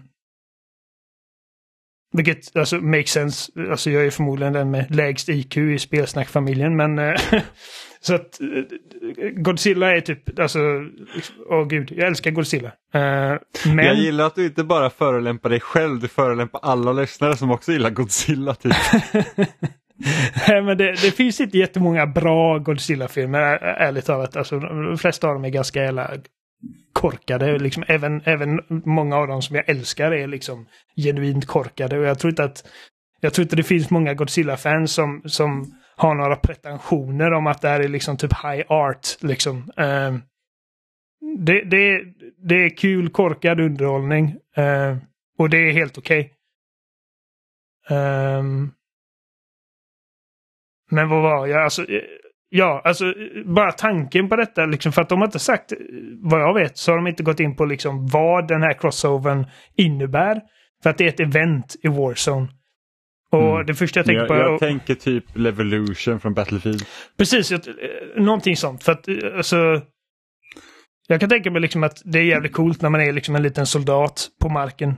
Och man tar sig igenom en djungel och så tittar man upp så är det liksom ett enormt monster som bara står och tittar ner på dig. Liksom. Det, det, det, det är häftigt. Men det är också en sån grej, liksom anledningen till att... Och det är en sån grej som varje gång det kommer ett Godzilla-spel och det suger så säger, så säger folk alltså hur jävla svårt, det måste vara typ det lättaste spelet. Hur fan fuckar man upp detta? Och jag tror att det är nog snarare tvärtom. Jag vet inte riktigt hur man gör kul gameplay med monster som är liksom tre gånger större än skyskraporna som de rör sig mellan. Um, för att... Alltså, alltså det man typ skulle göra någon sån här Pacific Rim-variant slash Titanfall. Ja, jo, ja, men någonting sånt antar jag. För att, för att det är alltså... Jag tror att det som är Någonting som, som jag finner väldigt compelling med just stora monster, inte bara Godzilla med stora monster överhuvudtaget, det är liksom att vara en liten, liten grej som bara tittar upp och ser all det här liksom typ förstörelsen som man inte kan ha, som man inte har någon påverkan på. Um, Tittar och liksom, upp och ser undersidan av foten och bara åh nej. Ja, men liksom bara alltså ren jävla mayhem. Um, liksom bara typ hur enormt allting är. Um, och det är liksom de bästa Godzilla-filmerna använder verkligen det liksom att man betonar skalan på det. Liksom att, att monstret knappt får plats i bild liksom. Uh, och när jag tänker på en sån här crossover så känner jag liksom att ah, det hade varit så jävla coolt att ha liksom typ en first, liksom ett första personspel där man är lite människa och tvingas liksom navigera en stad där Godzilla är och härjar. Men samtidigt så är det liksom uh, jag ser inte mycket um, säga, opportunities till intressant gameplay eftersom att han är så jävla stor och liksom man är så inkonsekvent för honom. Um, så att det, då måste man ju skala upp det lite men då måste man också ha liksom typ tillfredsställande förstörelse och liksom att animera, typ, eller inte animera, men eh, modellera enorma byggnader som, som rasar dynamiskt och, och Ja, det, det är en jävla designutmaning som heter duga. Jag tror säkert att det går ifall det är någon som verkligen vill tillräckligt mycket och, och är beredd att, att liksom våga språnget, att lägga resurser på att göra en sån grej. Men eh, jag kan inte tänka mig att eh, den här crossovern med Warzone kan vara mycket mer liksom än en ytlig grej. Liksom att typ du har din Warzone-match och så hör man typ Godzilla vråla någonstans och så kanske man ser hans svans liksom swisha ner i träden. Jag vet inte. Men, men jag är nyfiken mm. på hur det ser ut i praktiken. Mm. Ja, den var oväntad. Ja, men det trodde jag, trodde jag inte. Uh... Sen så ska ju förmodligen Modern Warfare 2 plus Warzone 2 komma i höst då. Ja, alltså uh, Modern Warfare, det förra Modern Warfare tycker jag var, alltså Nej, det, det, är inte direkt liksom en tillbaka till glansdagarna av Modern Warfare 2 och 1. Uh, eh, men ändå liksom mer spännande än vad Call of Duty har varit på många år. Um, mm. Jag tycker att de spel som har följt Modern Warfare har inte nått den nivån heller. Så att, uh, jag är öppen för mer Modern Warfare. Jag tycker att det kan bli spännande. Men sen också att Call of Duty är liksom bara generellt ganska osexigt för det här laget 2022 för mig personligen. Mm. Eh, Jag är dock väldigt sugen på att när väl Activision-köpet går igenom för Microsoft och att förmodligen kommer alla Call of Duty-spel hamna på Game Pass. Har det inte gått igenom än? Nej, det är väl inte helt klart va? Okej, okay, för, att jag, för att jag har tänkt på det. Jag bara, vad fan kan jag inte spela det nya Call of Duty för på Game Pass? Nej, alltså man, uh, som jag förstod det då när de utannonserade var väl att köpet skulle gå igenom nästa år va? Någon gång under 2023. Ja, Okej, ja, jag vet inte. Eh, och då ska jag, tror jag faktiskt ska ta och spela igenom Black Ops-spelen för de har jag inte spelat. Förutom fyran. Alltså det, det senaste, Vanguard heter det va? Eh, Ja, det är det första Call of Duty-spelet som jag inte köpt. På... Ja men sen första Modern Warfare. Eh, så har du köpt alltså varenda Call of Varenda Duty år. sedan 2007? Ja, det, Ja. Är, det, det är strångt. och jag kam- liksom, jag har varit väldigt selektiv.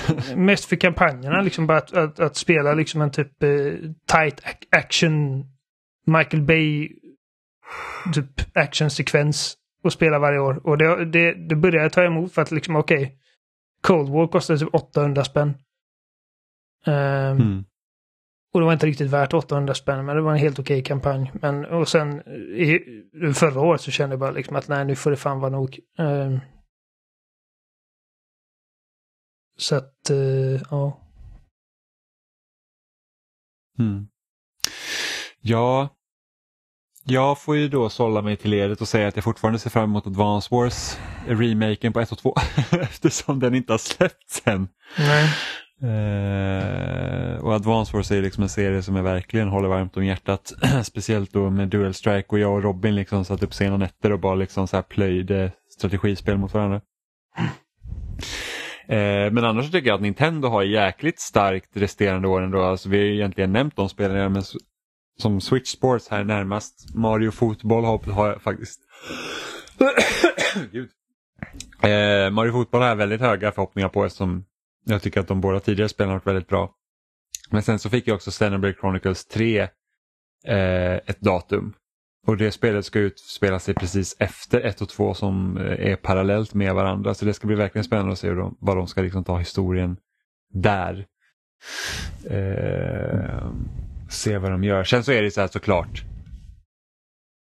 Switchens liksom prestanda är ju inte det bästa liksom nu. Eh, när den är fem år gammal så hade jag ju önskat liksom att någon gång kommer det komma en uppföljare så att man liksom kan kräma på de här liksom öppna värdena som de, som de gör. För jag tycker ändå att alltså, Xenoblade Chronicles 3, alltså, trailern och drömmar, så det ser ju liksom, det ser lite trist ut. Ärligt talat. Sen får vi ju inte glömma att eh, nämna sådana här lite mer indie-aktiga spel som till exempel Somerville som då är från Jumpship som eh, är en del av gamla Playdead som gjorde Inside och Limbo. Mm. Vi har också Season som ser fantastiskt vackert ut. Men sen Och, vet man inte, eh, man är inte helt säker på när de släpps. Nej, men exakt. Det är det som är lite problemet med indiespel för att ofta är det bara så att ah, men det släpps nästa vecka och man bara ah kul. Liksom. Ja, men precis. Men vi har också Oxenfree 2 Lost Signals. Signals. Gud, det var jobbigt att säga. Känns som att jag svalde G. Mm. Ja men precis. Splatoon 3 ser jag också väldigt mycket fram emot. Jag, jag ser väldigt, och, och nya Pokémon. Alltså inte att förglömma, jag ser väldigt mycket fram emot nya Pokémon också. Eh, Jag känner mig ganska sval inför den upplevelsen. Hittills. ja, Jag hoppas verkligen att de gör någonting som är lite mer intressant. Men jag tror att det kommer dröja ett tag innan de någorlunda kommer ikapp den vision som vi kanske har eh, tänkt att Pokémon förhoppningsvis ska förverkliga. ja men det är inte säkert att det någonsin kommer dit. Nej, men det, men det ska i alla precis. fall vara fullt open world den här gången. Så att, eh, så att, Det får ja. vi väl se. Nej men det tror jag de har sagt. Att det är det första liksom, riktiga open world Pokémon då. Liksom jo, men alltså, jag tror på att de har sagt det, men jag tror det inte förrän jag ser det. Jaha, du menar så. Men sen så här, typ fånga Pokémon från eh, Pokémon Legend som jag gärna hade sett de hade haft med, ju förmodligen inte vara med och lite sådana saker. Eh, och sen är det såklart Starfield ser jag också väldigt mycket fram emot. Just på grund av att jag är väldigt förtjust i Skyrim och jag är väldigt nyfiken på vad de kommer göra och rymden är ju jättehäftig.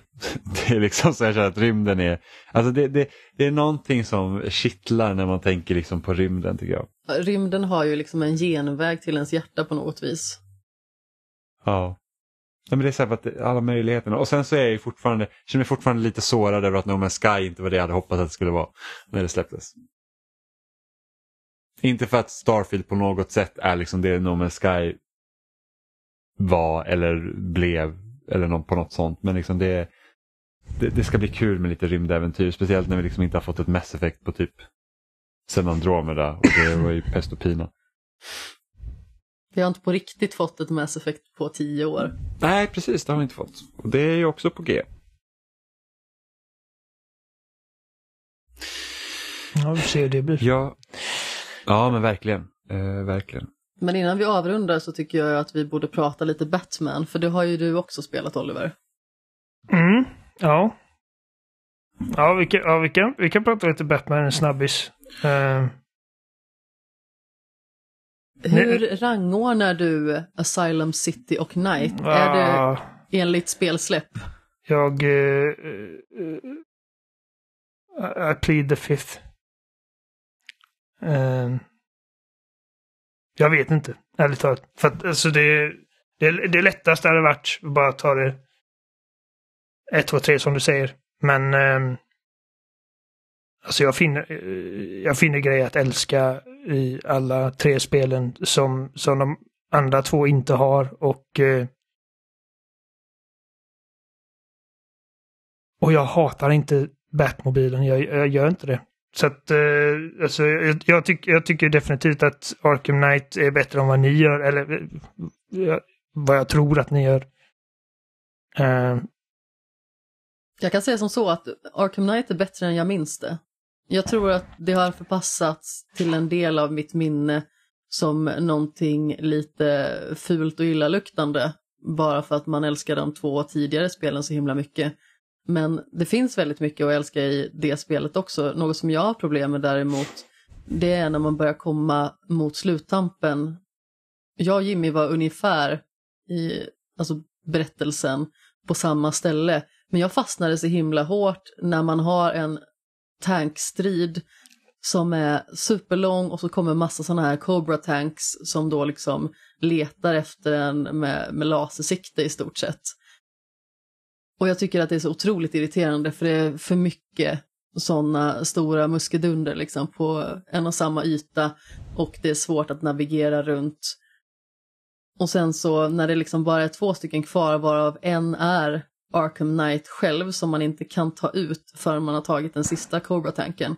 Alltså jag var så förbannad. Så jag försökte flera gånger och sen så bara stängde jag av och sa att nu går jag och borstar tänderna för det är inte roligt längre.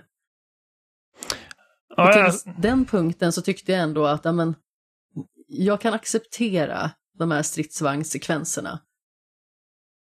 Och jag tycker att det alltid är roligt att vara Batman. Man känner sig så otroligt häftig. Det är få gånger jag känner mig liksom så oövervinnlig och klurig och eh, flink som när jag spelar Batman.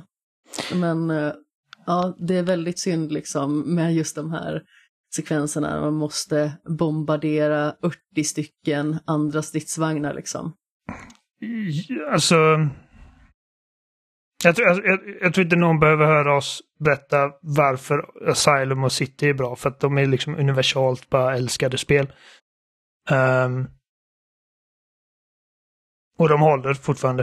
Uh, Ja, Batman Arkham Asylum är ju typ anledningen till att jag eh, fick eh, ett nytt brinnande spelintresse. Liksom. Det jag skulle nog säga att det är mitt favoritspel, alla kategorier. Mm, ja, men det, det, är verkligen jättebra. Och jag kommer ihåg när det kom, liksom, för att jag, jag hade helt liksom avskrivit det som liksom en, ett billigt försök att eh, liksom hoppa på hype-tåget efter Dark Knight. Och, och jag fick Mm, någonting precis. som var liksom bara, det står på sina egna ben och det typ etablerar liksom en, en, en ny tolkning av den här karaktären som visserligen har sina rötter i den animerade serien och grejer men, eh, men, men som ändå lyckas stå på sina egna ben vid sidan av andra tolkningar. Liksom att, eh, jag ser liksom när folk typ röstar på vilken, vilken där liksom deras favorit Batverse är så har man liksom typ Nolans och Zack Snyders och, och nu Reeves och, och Arkhamverse och liksom det är ofta när jag ser Arkhamverse vara det som liksom vinner de här omröstningarna. Ja, Ehm, men precis, för att de har lagt ner så himla mycket krut och kärlek på karaktärerna och få dem liksom att fungera mm. rent alltså, spelmässigt. Det tycker jag är så himla imponerande och just Asylum, det är en sån egen och fulländad upplevelse. Jag sa det förra veckan för vi vidrörde det även då. Jag bara kände liksom att det är liksom svårt att toppa Asylum. För att det finns liksom inte en enda vrå som man kan säga att här har de inte brytt sig. Nej, nej, absolut inte. Um, jag känner, alltså, där, det, där jag känner att jag skulle dra mig från att säga att Arkham Asylum är liksom den ultimata Batman-upplevelsen. Det är liksom att, för att de inte har du sitter liksom inte på en rooftop på en gargoyle och tittar ut över staden liksom och typ, uh, alltså just den grejen liksom att, att, att glida runt och jag känner att Batmobilen är hur, hur bespottad den än är så var den den sista pusselbiten i Batman-upplevelsen som var bara tvungen att liksom få in där, liksom att få ratta den jävla besten. Och, eh, Definitivt, alltså det är ju en superhäftig bil och man känner ju sig coolast i världen när man kör den, även att den är ju ganska så sladdrig liksom. Mm. Men jag uppskattar ju dess existens fortfarande. Jag tror att jag uppskattar den mer den här gången än förra gången och eh, precis som jag sa även förra gången så tycker jag liksom att alla de momenten som man har bilen till bekommer mig inte lika mycket den här gången. Och jag tror liksom att jag ser på upplevelsen på ett mer negativt sätt.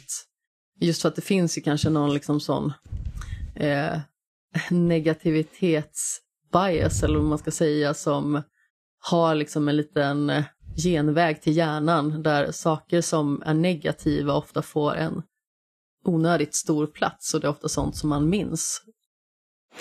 Det var, det var några saker som slog mig med, med eh, Arkham Knight specifikt. Eh, den här gången jag spelade. Var, alltså bara dels på ett ytligt plan så tycker jag att eh, Batmans dräkt i Arkham Knight är förmodligen min favorit Batsuit. Eh, liksom, alltså bara överhuvudtaget.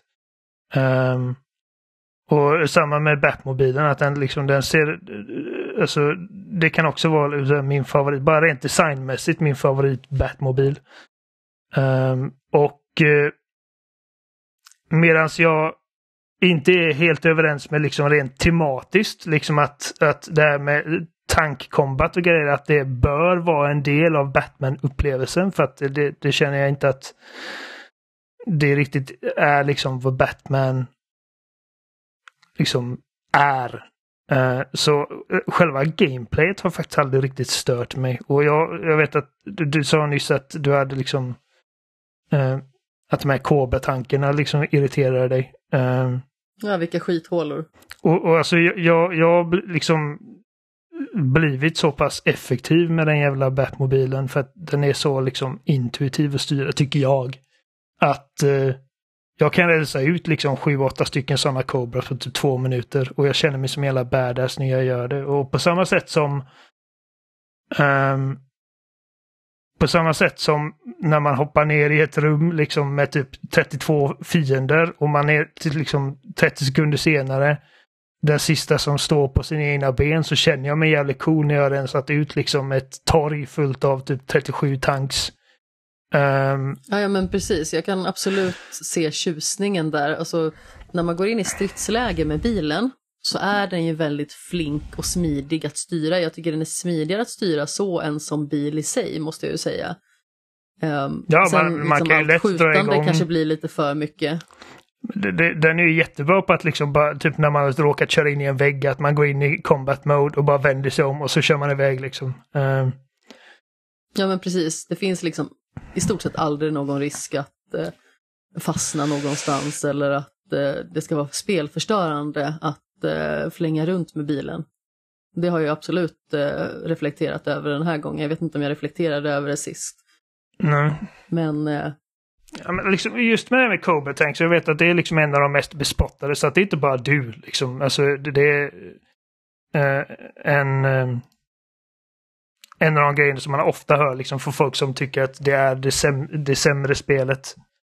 Att, ja, den här jävla Cobra Tanksen. Men jag, men jag gillar verkligen den här liksom eh, katt och råtta-leken lite. Att man, man smyger sig upp på dem, eh, pangar dem och sen så liksom går man in i, eh, i bara vanlig car mode och liksom drar igång sina afterburners och kör iväg till andra sidan torget och liksom gömmer sig igen och de börjar jaga en. Och jag, alltså, jag tycker det är, det är en spännande loop. Um...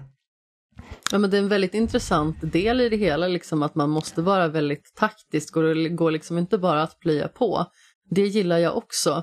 Men i vissa sekvenser så är de väldigt tjockt placerade och när det kommer fyra stycken och det är typ en från varje håll, då ligger man ju så extremt brunt till att det finns liksom typ ingen återvändo. Så det är det som jag tycker är väldigt irriterande i den sekvensen som jag pratade om innan. Det är liksom att man känner att det blir för mycket.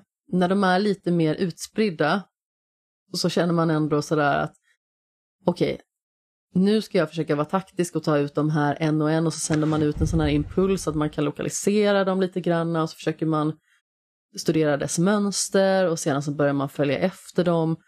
Och jag gillar ju liksom det att man kan inte bara gå in och kasta iväg en missil liksom. Det funkar inte utan du måste smyga upp bakom och träffa deras ömma punkt. Det tycker jag är roligt. Men det jag inte tycker är roligt är liksom när det blir så otroligt fiendetätt. Det blir att det känns typ. liksom som att de sitter i knät på en. Mm. Jag, tycker, jag, jag, inte, jag tycker inte att det är... Det var lite dumt av dem att sätta den förmågan på liksom som en uppgraderingsbar grej att du kan skjuta din kanon för att eh, om man säger om man skjuter den på ett hus så kommer de dras dit. Um, för att det, det, känner jag att det borde bara, liksom, det borde bara ha varit liksom en del av ditt liksom, grundläggande... Vad är, det för, vad är det för uppgradering som gör att en, en kanonhylsa lockar till sig de här tanksen mer än innan? Ehm, men, men den uppgraderingen gör verkligen de sektionerna lite lättare för att så fort liksom, du märker att okej, okay, nu kommer han runt hörnet, han kommer se mig bara skjut på andra sidan gatan så kommer den bara köra rakt förbi dig. Ehm,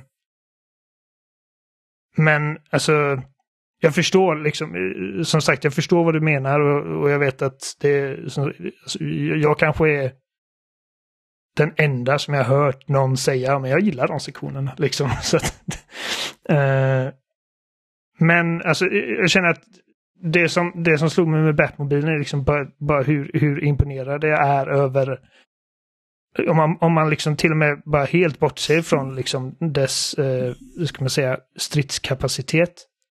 Hur de använder den eh, även för pussellösning och grejer. Och eh, hur den liksom nästan alltid är en del av din, ditt, liksom nästan ditt grundläggande moveset. Liksom att den, den är bara bokstavligen ett knapptryck bort. Liksom. Och den, det har väl hänt någon gång att jag tryckt på den knappen och den inte har dykt upp direkt, att den kanske fastnat någonstans. Men liksom generellt så funkar den bara så jävla bra varje gång. Och man kan, man kan integrera, eh, integrera den i vanligt liksom handgemäng. Och även hur man har liksom att man kan typ radiostyra den. Um, Ja men precis. Men man känner, man känner sig sällan så häftig som när man liksom kastar sig ut från ett hustak och bara här kommer jag trycker på knappen för att kalla till sig Batmobilen och bara landar rakt i den. Ja, och alla fiender bara Holy shit! It's the Batmobile run! uh, och, He's got a friggin tank! Ja, och, och liksom hur mycket av miljöerna som är liksom att man bara kan köra rätt igenom den. Alltså man känner sig verkligen, när man sitter i den så känner man sig som en jävla ostoppbar bäst. Och jag, jag, Ja, Batman kostar samhället många miljarder kronor där när han bara kör igenom allting. Det är liksom typ bara, oh, en väg, liksom barriär, brr, den får någon annan bygga upp. Oj, då här... Ja, precis. Ja, exakt. Bara, oh, det, här, det här pelaren har väl ingen behövt? No. Det är tur att han har pengar ja. den här Bruce Wayne. Um, ja, men verkligen. Och sen även mm. så liksom bara hur kul man märker att Mark Hamill har haft med rollen i just det här spelet. Liksom. Uh, för att uh, jag Medans, alltså, jag skulle säga att Arkham Knight-karaktären är en av de grejerna som liksom, uh, som de tappar bollen med, med just det här spelet. Liksom ifall jag får peka på någonting som jag känner att okej, okay, det här är det som gör det mindre intressant är att skurken i det här spelet. Dels då i... Uh, Scarecrow borde varit den enda skurken. Liksom, alltså Arkham Knight är liksom bara ett jävla stolpskott. Jag tycker inte om hur de har utformat den karaktären för att eh, Ja, jag vet inte riktigt om vi ska spoila det. Jag ah, men det, det är gammalt. Säg. Ah, ja, men okej. Eh, Jason Todd har ju också i eh, Batmans universum ett alter ego som är Red Hood. Mm. Red och, Hood är cool. Eh, hela den berättelsen om hur Jason blir Red Hood är ju i stil med hur han blir Arkham Knight. Ja. Men jag gillar ju liksom inte Arkham Knight och dess utformning och jag antar ju att de gjorde på det sättet för att det skulle vara ett överraskningsmoment eller ett möjligt överraskningsmoment. Sen var det ju många som såg redan innan man börjar komma in på sekvenser som visar hur Jokern dödar honom Mm. och eh, hur han sedan då uppstår som Arkham Knight så att säga. Men eh, Jason Todds, eh, liksom, alltså hans berättelse är ju väldigt, liksom, alltså, ska man säga, på det stora hela viktig för även Bruce Waynes berättelse. Liksom att det var den som han bara, fuck, jag, jag skickade in honom i döden, jag svek honom. Och... Eh, Ja, ja, men precis. Och det är ju någonting som färgar hans senare relationer väldigt mycket. Absolut. Och... Eh, Och har man inte sett Under the Red Hood så borde man göra det eller mm, eh, läsa seriealbumet som eh, den är baserad på. För att eh, framförallt den eh, animerade filmen är så otroligt stark och vidrig och hemsk. Och där ser man ju liksom hur Jokern är så skoningslös och brutal. mm, Och man tänker inte alltid på det när man liksom ser på Jokern för att han har liksom en så oförneklig lekfullhet och han är ju otroligt rolig som underhållning. Men han är ju så otroligt vidrig och skapar liksom så mycket förödelse var han än går. mm. Och det är det man vill se av Joker också. Och det liksom... Mm. Jag, jag tycker Red Hoods berättelse är, är spännande. Det är bara liksom att den riktigt, den funkar riktigt i just kontexten av det här spelet. Eh, inte bara för att Jason Todd aldrig har liksom kommit upp i någon av de tidigare spelen. Hade man liksom... Hade det varit en, en grej som hade liksom åtminstone nämnts. Eh, liksom om Joker hade typ tåntat Batman för liksom bara åh, kom du ihåg The Boy Wonder bla bla, han som liksom att om man hade sått det fröet tidigare så hade den twisten funkat bättre. Men nu är det liksom att... För jag kommer ihåg att liksom så fort de, man fick se de här, eh, de här flashbacksen eh, med hans död, så jag bara det där är ju Arkham Knight. Liksom, varför skulle man annars ta upp detta nu? För att, för att det här har liksom inte varit en grej innan. Ehm.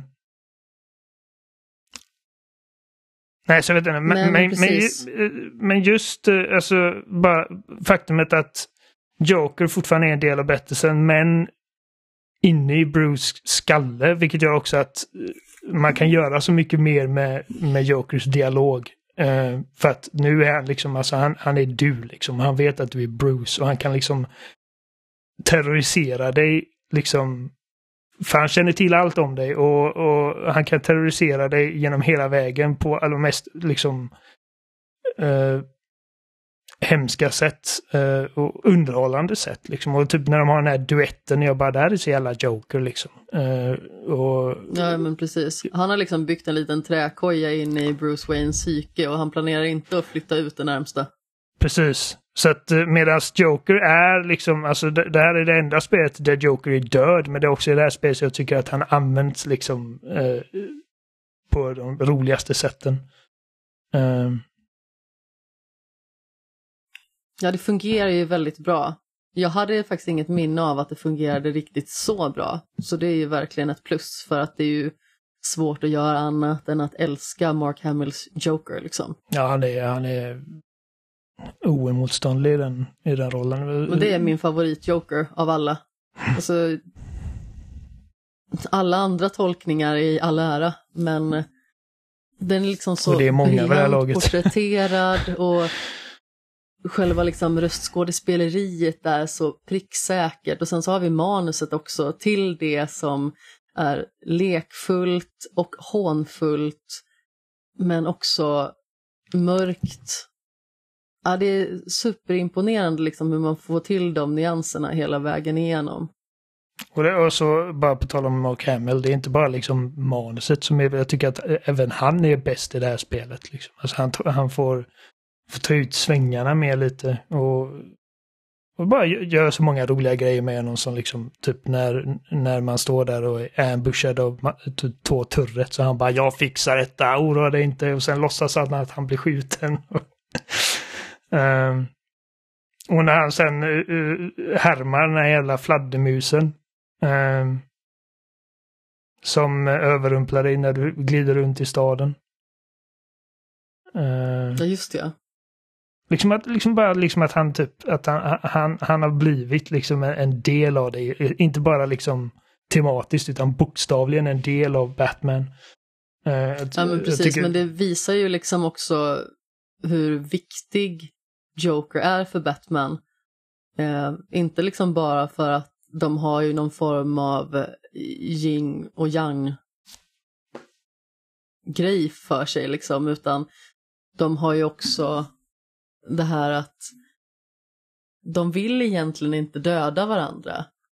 Nej, Batman vill inte döda någon. väldigt men... märkligt plan. Jo, men Batman vill ju inte döda någon. Nej. Men Joker vill nog innerst inne inte döda Batman heller. Nej, nej. Men... För att han har för roligt med honom. Precis. Det, det är liksom en grej som är... Deras dynamik är så himla fascinerande och eh, obehaglig. Nej, så, jag, eh, jag, eh, alltså... Jag skulle säga att alltså, storymässigt så tror jag att City är det som funkar bäst för mig. Um, för att jag, jag gillar... Uh, Joker är jävligt bra i det också. Uh, lite flummigt med ja, Clayface, absolut. men det är, det, är, det är ändå en cool twist och uh, jag, jag gillar verkligen att han... Han i princip dödar sig själv genom att inte lita på att Batman kommer hålla sig till, sin, till sina liksom ideal som han alltid gjort. Och liksom just det att det slutar med att han säger typ att även efter allt det här skiten du gjort så hade jag räddat dig. Och han bara det är jävligt kul och så dör han. Um, men men jag tycker liksom att alla de här tre spelen är liksom, alltså, jag har spelat dem allihopa flera gånger och jag har aldrig kunnat spela Arkham Asylum utan att jag liksom direkt fått lust att hoppa in i nästa spel. Um, Ehm, så att... Uh, nej, det, det, det, är bra samling med, med, med Batman-spel definitivt. Och liksom, alltså, men alla licensspel överlag har bara så mycket att tacka Batman Arkham Asylum för. Ehm. Ja men definitivt. Alltså det var ju sex år sedan sist som jag spelade Batman Arkham Knight. Och det är enda gången jag spelat det också. Så på så vis känns, känns det väldigt trivsamt att ha fått uppleva det en gång till. Och eh, framförallt att få ändra lite grann synen på det. Som jag sa förra veckan så var ju Arkham Knight på sätt och vis lite en snuttefilt för mig i en tuff period.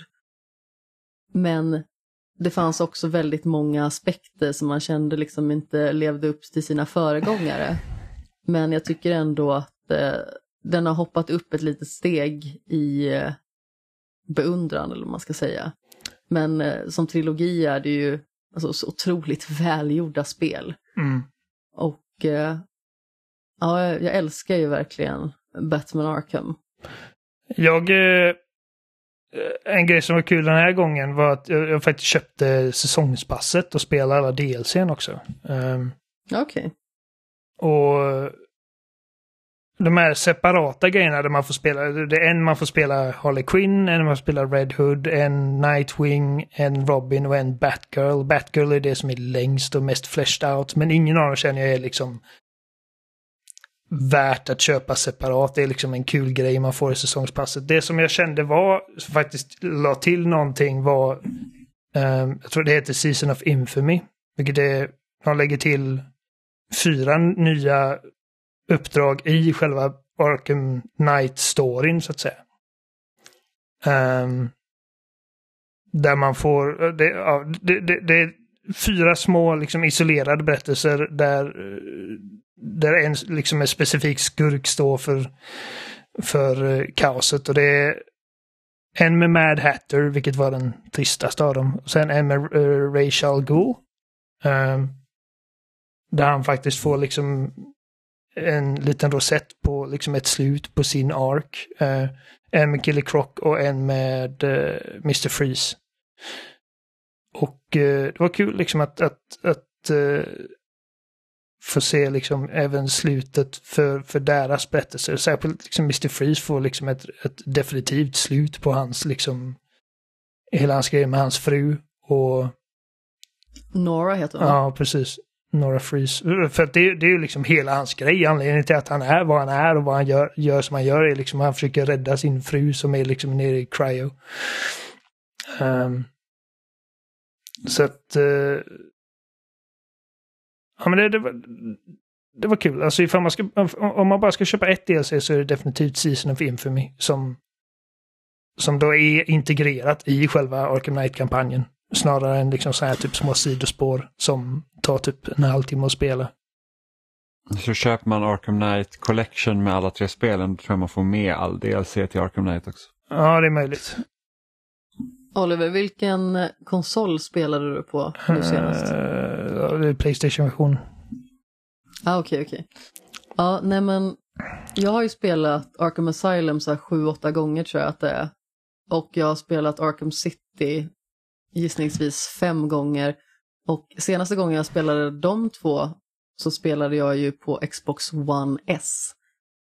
Och det var inga problem. Nu spelade jag Batman Arkham Knight på X-Men, eller X-Men, Xbox Series S. Och jag har haft så himla mycket problem med krascher. Ja. Eh... Alltså att spelet har, hängt, spelet har hängt sig helt oprovocerat. Jag har hört att, uh, att uh, det har haft lite problem på vissa Xbox-konsoler. Ja, men det var jättebesynnerligt. Jag vet inte hur många gånger du har fryst liksom i bilden. Det kanske är tio gånger åtminstone. Det verkar typ vara kopplat mellan att man laddar in en ny instans på banan. För det var samma sak igår. Så jag, jag fixade någon uh, uppdater eller uppgradering till Batman så man liksom flyger snabbare. Och när man åker mellan öarna det blir typ laddningsskärm då finns det risk att det fryser. Eller typ om man kör bilen och liksom kraschar in typ i fem liksom sådana här jävla, eh, vad heter det? Vad heter det? Stolpar? Ja. Så, stora pelare. betong, ja, pelare tack. Eh, stora betongpelare, då har det, liksom så här, det känns som att det blir för mycket för spelet. Det bara, och så, så kör det skit. Ja, för mig har det liksom inte varit laddningssekvenser eller övergångar utan det kan ha varit mitt i strider och sånt också eller för den delen liksom mitt i dialog och sånt. Så det har ju varit ganska så irriterande på sina ställen. Och jag har fått starta om spelet då för att det har ju liksom inte återvänt naturligtvis. Men det var ganska så roligt för att eh, jag satt och beklagade mig över det faktum att spelet hade hängt sig igen och eh, då sa Jimmy sådär att ja, men jag har inte haft några problem med det. Fem minuter senare fryser hans spel också. Ja. ja, men det har hänt två gånger under min, jag har säkert spelat en 20 timmar. Eller någonting sånt. Eh, det har hänt dig betydligt fler gånger. Jag hade älskat en Next alltså, uppdatering av detta. Uh, för att det, ja, jag det, var förvånad över att det inte fanns. Det är fortfarande snyggt som fan. Och det är gjort i Unreal 3 tror jag. Uh, ja, det tror jag också. Så att, uh, men det, det är lite lågupplöst och, och körs i menar, helt okej okay, 30, men ja. Du då Jimmy, det, ja, det är det fortfarande him- pest och pina spelet? Uh, jag gillar nog det mer uh, nu än vad jag gjorde senast, men uh, jag tycker ju att Alltså om man tittar liksom på hela trilogin och hur det har gått liksom från att Arkham Asylum har egentligen ett Metroidvania till Arkham City som blir liksom ett Metroidvania fastsatt i en öppen värld där de, de liksom olika vad ska man säga, dungeons som finns på kartan liksom är en liten som minikarta till Arkham Knight som i princip bara är en öppen värld i typ Ubisoft-stil. Så blir det liksom att det, det, jag tycker det förlorar lite det som gör de två, två andra spelen riktigt, riktigt bra. Eh, för du har ju i princip bara två eller tre stycken liksom mer eller mindre banor och de är väldigt straightforward. Det finns liksom ingenting så att nu har den här uppgraderingen så nu kommer du liksom in här och här utan det är liksom så att du liksom köttar på ganska eh, lagom takt. Och sen gör ju bilen Alltså bilens strider ändrar sig inte så himla mycket från liksom första stund till sista. Utan det är bara en jävla massa fordon som ska skjuta sönder och det är inte jag, den här gången uppgraderar jag bilen på en gång också. Jag, bara, jag tänker inte sätta fast på någon jävla bilstrid som är skittråkig. Utan jag, jag, jag, jag, jag, jag köttar fullt på den här jävla bilen. Så då gick det ju ganska fort och smärtfritt. Men det är ju inte kul. Eh, sen så hur man använder bilen i pussel och sånt. Det har jag ingenting emot. Det tycker jag är jättekul. Alltså det, det, är liksom, då, då är liksom bilen som bäst. Det är liksom mm. så att till skillnad från typ Arkham City egentligen där det kunde vara så att man ska ta sig som Batman mellan de olika ställena och det kommer fiender och man är bara så här, alltså nu orkar inte jag slå de här jävla töntarna som alltid står utanför banken varenda jävla gång. Nu är det liksom med bilen är det bara att köra över dem. liksom, det är bara så här, man bara, det är så jävla smidigt att ta sig från A till B liksom. Bilen har Eh. sina praktiska funktioner. Exakt. Men han dödar inga Eh. utan de, de blir bara elektrifierade. Ja, men precis. Ja. Och, och, och Batman är så himla bra också när han typ smäller någon på käften också fast typ hans jävla stora tjocka knä kommer och typ sätter sig olägligt typ precis under hakan. Så de dör inte, de bara tuppar av. Man kör, man kör Eh. över dem så här 200 km i timmen och de bara, ah, jag vaknar sen. Ja, precis. Det är typ min favorit i Spiderman, det är att om man slänger ut eh, fienderna från så här skys- skyskrapor och sånt så är det en liten så här typ eh, nät som sätter fast dem Ja, automatiskt. Ja. Eh, men annars så tycker jag tycker inte, jag tycker inte illa om det på samma sätt som jag gjorde tidigare. Jag tycker att det är liksom lite bättre än vad jag minns att det var. Men samtidigt så att det är liksom det är väldigt eh. Äh, Känner jag. En grej nu, nu när du säger det som, som, som jag alltid tyckt håller tillbaka spelet lite liksom som är hand i hand med det här. Det är mer som ett open world-spel. Sidouppdragen är så liksom bara formulaic. Liksom att du, har du gjort en sån liksom minröjning så har du gjort alla typ. Och, Ja. och att liksom... Och jag har gjort alla dem nu. mm, Jag har bara Riddler-troféerna kvar. och, och liksom att typ så här fanfavoritskurkar som typ, eh, hur ska man säga, vad heter den? Two-Face och Penguin, att de är liksom typ, liksom, ah, det är bara att det, det är ett uppdrag som är typ sex gånger eller någonting. Liksom. Det, det, det är Mm. jävligt synd. Eh, Jag hade nästan, med tanke på att temat i det här spelet, eftersom Scarecrow är liksom huvudskurken och att det är väldigt mycket liksom så här, det är mer att så här, ja, men tampas mina rädslor och sånt, så hade jag ju nästan hellre sett att spelet istället för att vara det här typ open world action-spelet som det är, eh, just för att det är så mycket strider med bilen och sånt, att det är liksom mer liksom showigt än vad det var tidigare, att nästan hade kunnat vara mer åt skräckhållet. Ja, men precis. Eh, I likhet med hur eh, Batman Arkham Asylum faktiskt var på sina håll. Ja men lite mer och så. Eh, och att liksom Arkham Knight egentligen inte hade behövt vara en skurk utan det är liksom Scarecrow. Alltså han är skurken samtidigt som Batman typ känner att han håller på att bli galen på grund av att han har det här liksom giftet från Joker. Liksom. Men vi kan Eh, väl summera det hela på något vis i att det är väldigt lätt om man tycker att Batman Arkham Asylum och Batman Arkham City är magiska att man degraderar Batman Arkham Knight till ett dåligt spel, men det är det ju absolut inte. Det är ett väldigt bra spel på många sätt. Eh, sen så kanske man fortfarande tycker att det åtminstone är det sämsta i den trilogin. Men, eh, ja, men man måste ändå ge det ett plus för eh, de eh, ljusglimtar som det absolut visar. Sen ska det bli intressant när man testar Batman Arkham Origins igen och se om man fortfarande tycker att det är bättre än Knight. För det har jag ju liksom sagt tidigare att jag tror faktiskt att jag tycker det. Mm. Uh, jag har alltid varit en Arkham Knight apologist. Jag har aldrig sagt att det, ja, det är det bästa i serien, men, men, men jag har alltid tyckt liksom att ja, men jag, jag gillar Arkham Knight. Uh, och jag känner vissa grejer eh, liksom är som ännu tydligare. Liksom. Jag, bara, jag, jag, bara älskar hur sömlöst integrerad Batmobilen är typ i nästan alla liksom, typer av olika situationer.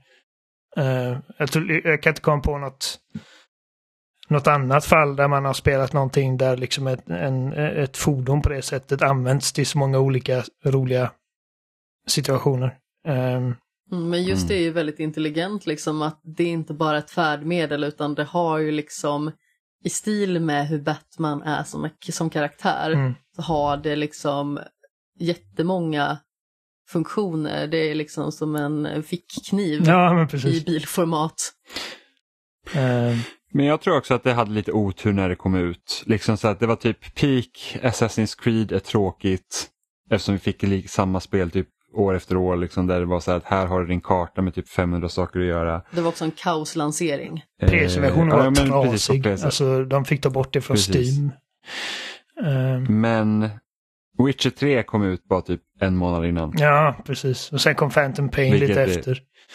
Ja. Ehm, Vilket en annan can of worms, men ja. Det... Nej, nej men jag... Ja, en snabbis som Batman tar vi visst. Eh, Ja men visst. Eh. Det är... Det halvtimme går aldrig senare. att ha en snabbis som Batman.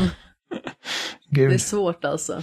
Det är svårt att vara vi när vi snöar in på sådana här sidospår. Det har gjort att jag liksom lite mer, alltså, bara för att jag, bara, jag, vill, jag vill bara se liksom Rocksteadys nästa spel och även om jag inte är liksom, eh, alltså Suicide Squad är liksom på pappret verkligen ingenting jag bryr mig om överhuvudtaget. Så, så är det liksom... ehm, Nej, men det ska bli kul att se vad de ja, gör. precis. Eh, Ehm, Men också så här, att det som oroar mig också med Suicide Squad är ju att det ska vara co-op och jag är ju liksom rädd istället Mm. för att det ska typ vara Gears of War co-op Precis. där det faktiskt spelar roll vem man är så är det typ Destiny. Ja, Åt det hållet Ja. liksom att det är så här, ja men du kan hoppa in men det spelar inte så stor roll och det blir så här, ah. Exakt. Ja, ja, det är det. det du, du läste mina tankar. Det, det är precis det orosmolnet jag har. Ehm, och sen så, jag menar, jag, jag förväntar mig inte att åh, det här kommer vara liksom nästa Batman-upplevelse. Det ser ju ut att vara mer typ åt Sunset Overdrive-hållet. Mm. Uh, men Rocksteady, alltså, eh, även när de inte är liksom och gör det bästa de någonsin gjort så är det liksom, det är fortfarande riktigt bra och de, de vet vad de gör och de jävligt duktiga. Och eh, jag tycker ändå liksom, även om Suicide Squad som grupp och karaktärer inte intresserar mig så är jag ändå lite intresserad av vad de gör med en typ till synes ond Justice League. Mm. Liksom, vil- vilken bossfight det kommer bli med Superman. Liksom. Och är Batman en del av det? Jag, jag tror man såg hans, liksom, Batmobilen i någon trailer, även om det inte var samma Batmobil. Jag vet inte om detta är inom samma det ska kontinuitet. ut- Det ska ut, det ska ut, alltså som jag förstod det så ska Suicide Squad utspela sig i samma universum som Arkham-spelen. Då kanske det inte är Batman utan det kanske är liksom någon eh, Ja, efterträdare. Batman kan ju Batman kan ju ha bytt bil. jo, men han är ju, han är ju borta eh, i slutet av Arkham Knight. Eh, Kanske Robin då. ja, precis. Eller så kommer han tillbaka från retirement. Men alltså tänk om typ Superman fungerar typ som så här Mr X liknande grej. Man bara dyker upp och man bara fuck. Ja. Ja, Nej, men det, Sen får Nej. jag ligga en laser inte mina skinkor. ja, det, ja verkligen. det blir i alla fall, oavsett vad som händer så, så ska det bli intressant att se vad han gör med det i alla fall. Ja men det ska det. Rocksteady är en väldigt kreativ studio som är väldigt liksom respektfulla gentemot källmaterialet liksom. Så Ja, de på älskar så DC. vis ä, finns det absolut eh, ett intresse. Däremot så alltså, men- jag undrar liksom, if, eh, liksom, för att om det är i samma kontinuitet så är det liksom lite konstigt. Menar, uh, Deadshot är svart i det, här, i det nya spelet, men han var vit i Arkham City. Ehm, nu har de i och för sig inte varit jätte jättekonsekventa för att uh, Scarecrow i Dark Arkham Knight är liksom inte alls samma han ser, ser inte ut som samma karaktär, han låter inte som samma karaktär, han, han för sig inte som samma karaktär som i Arkham Asylum. Um, Nej och det är inte det, alltså, jag, jag skiter ifall uh, Deadshot är svart eller vit, jag bara liksom att, eh, liksom, för att det fick mig att tänka att det kanske inte är Arkham, eller Arkham-kontinuiteten, eftersom att de ser liksom så olika ut. Jag vet inte. Men, Mm. Nej jag vet, jag vet inte heller, det var bara något som jag fått för mig, det är inte säkert att det stämmer ens. ja, vi får se. Eh, ja, men med de orden så är det nog dags att avsluta dagens avsnitt. Vi bara, det här blir nog inte så långt sa vi när vi började och nu har vi suttit här i Nej, två jag timmar. bara, jag har bara sovit. Jimmys Typ. famous last words. Jag har bara sovit ett par timmar. Vi ska köra en kortis idag. Eh, Ja. Men det är typ jag som har tjatat mest också så att vi jag får skylla, skylla, mig själv. Ja, det var ditt lilla svin. Ja. Men ni hittar som vanligt på spelfolk.com och där finns också länkar till alla ställen vi finns som Instagram, Facebook, YouTube, Spotify, Apple Podcasts. Vi finns överallt där ni egentligen kan lyssna på podcasts. Ni får gärna mejla till oss på kontaktetspelsnack.com eller byta ut kontakt mot något av våra förnamn, spelsnack.com om ni har funderingar, frågor eller något speciellt ni vill att vi ska ta upp. Eh, ni hittar också avsnitten på loading.se varje vecka. Eh, ja, och så hörs vi igen nästa vecka. Det gör vi. Hej då! Puss i ljumsken.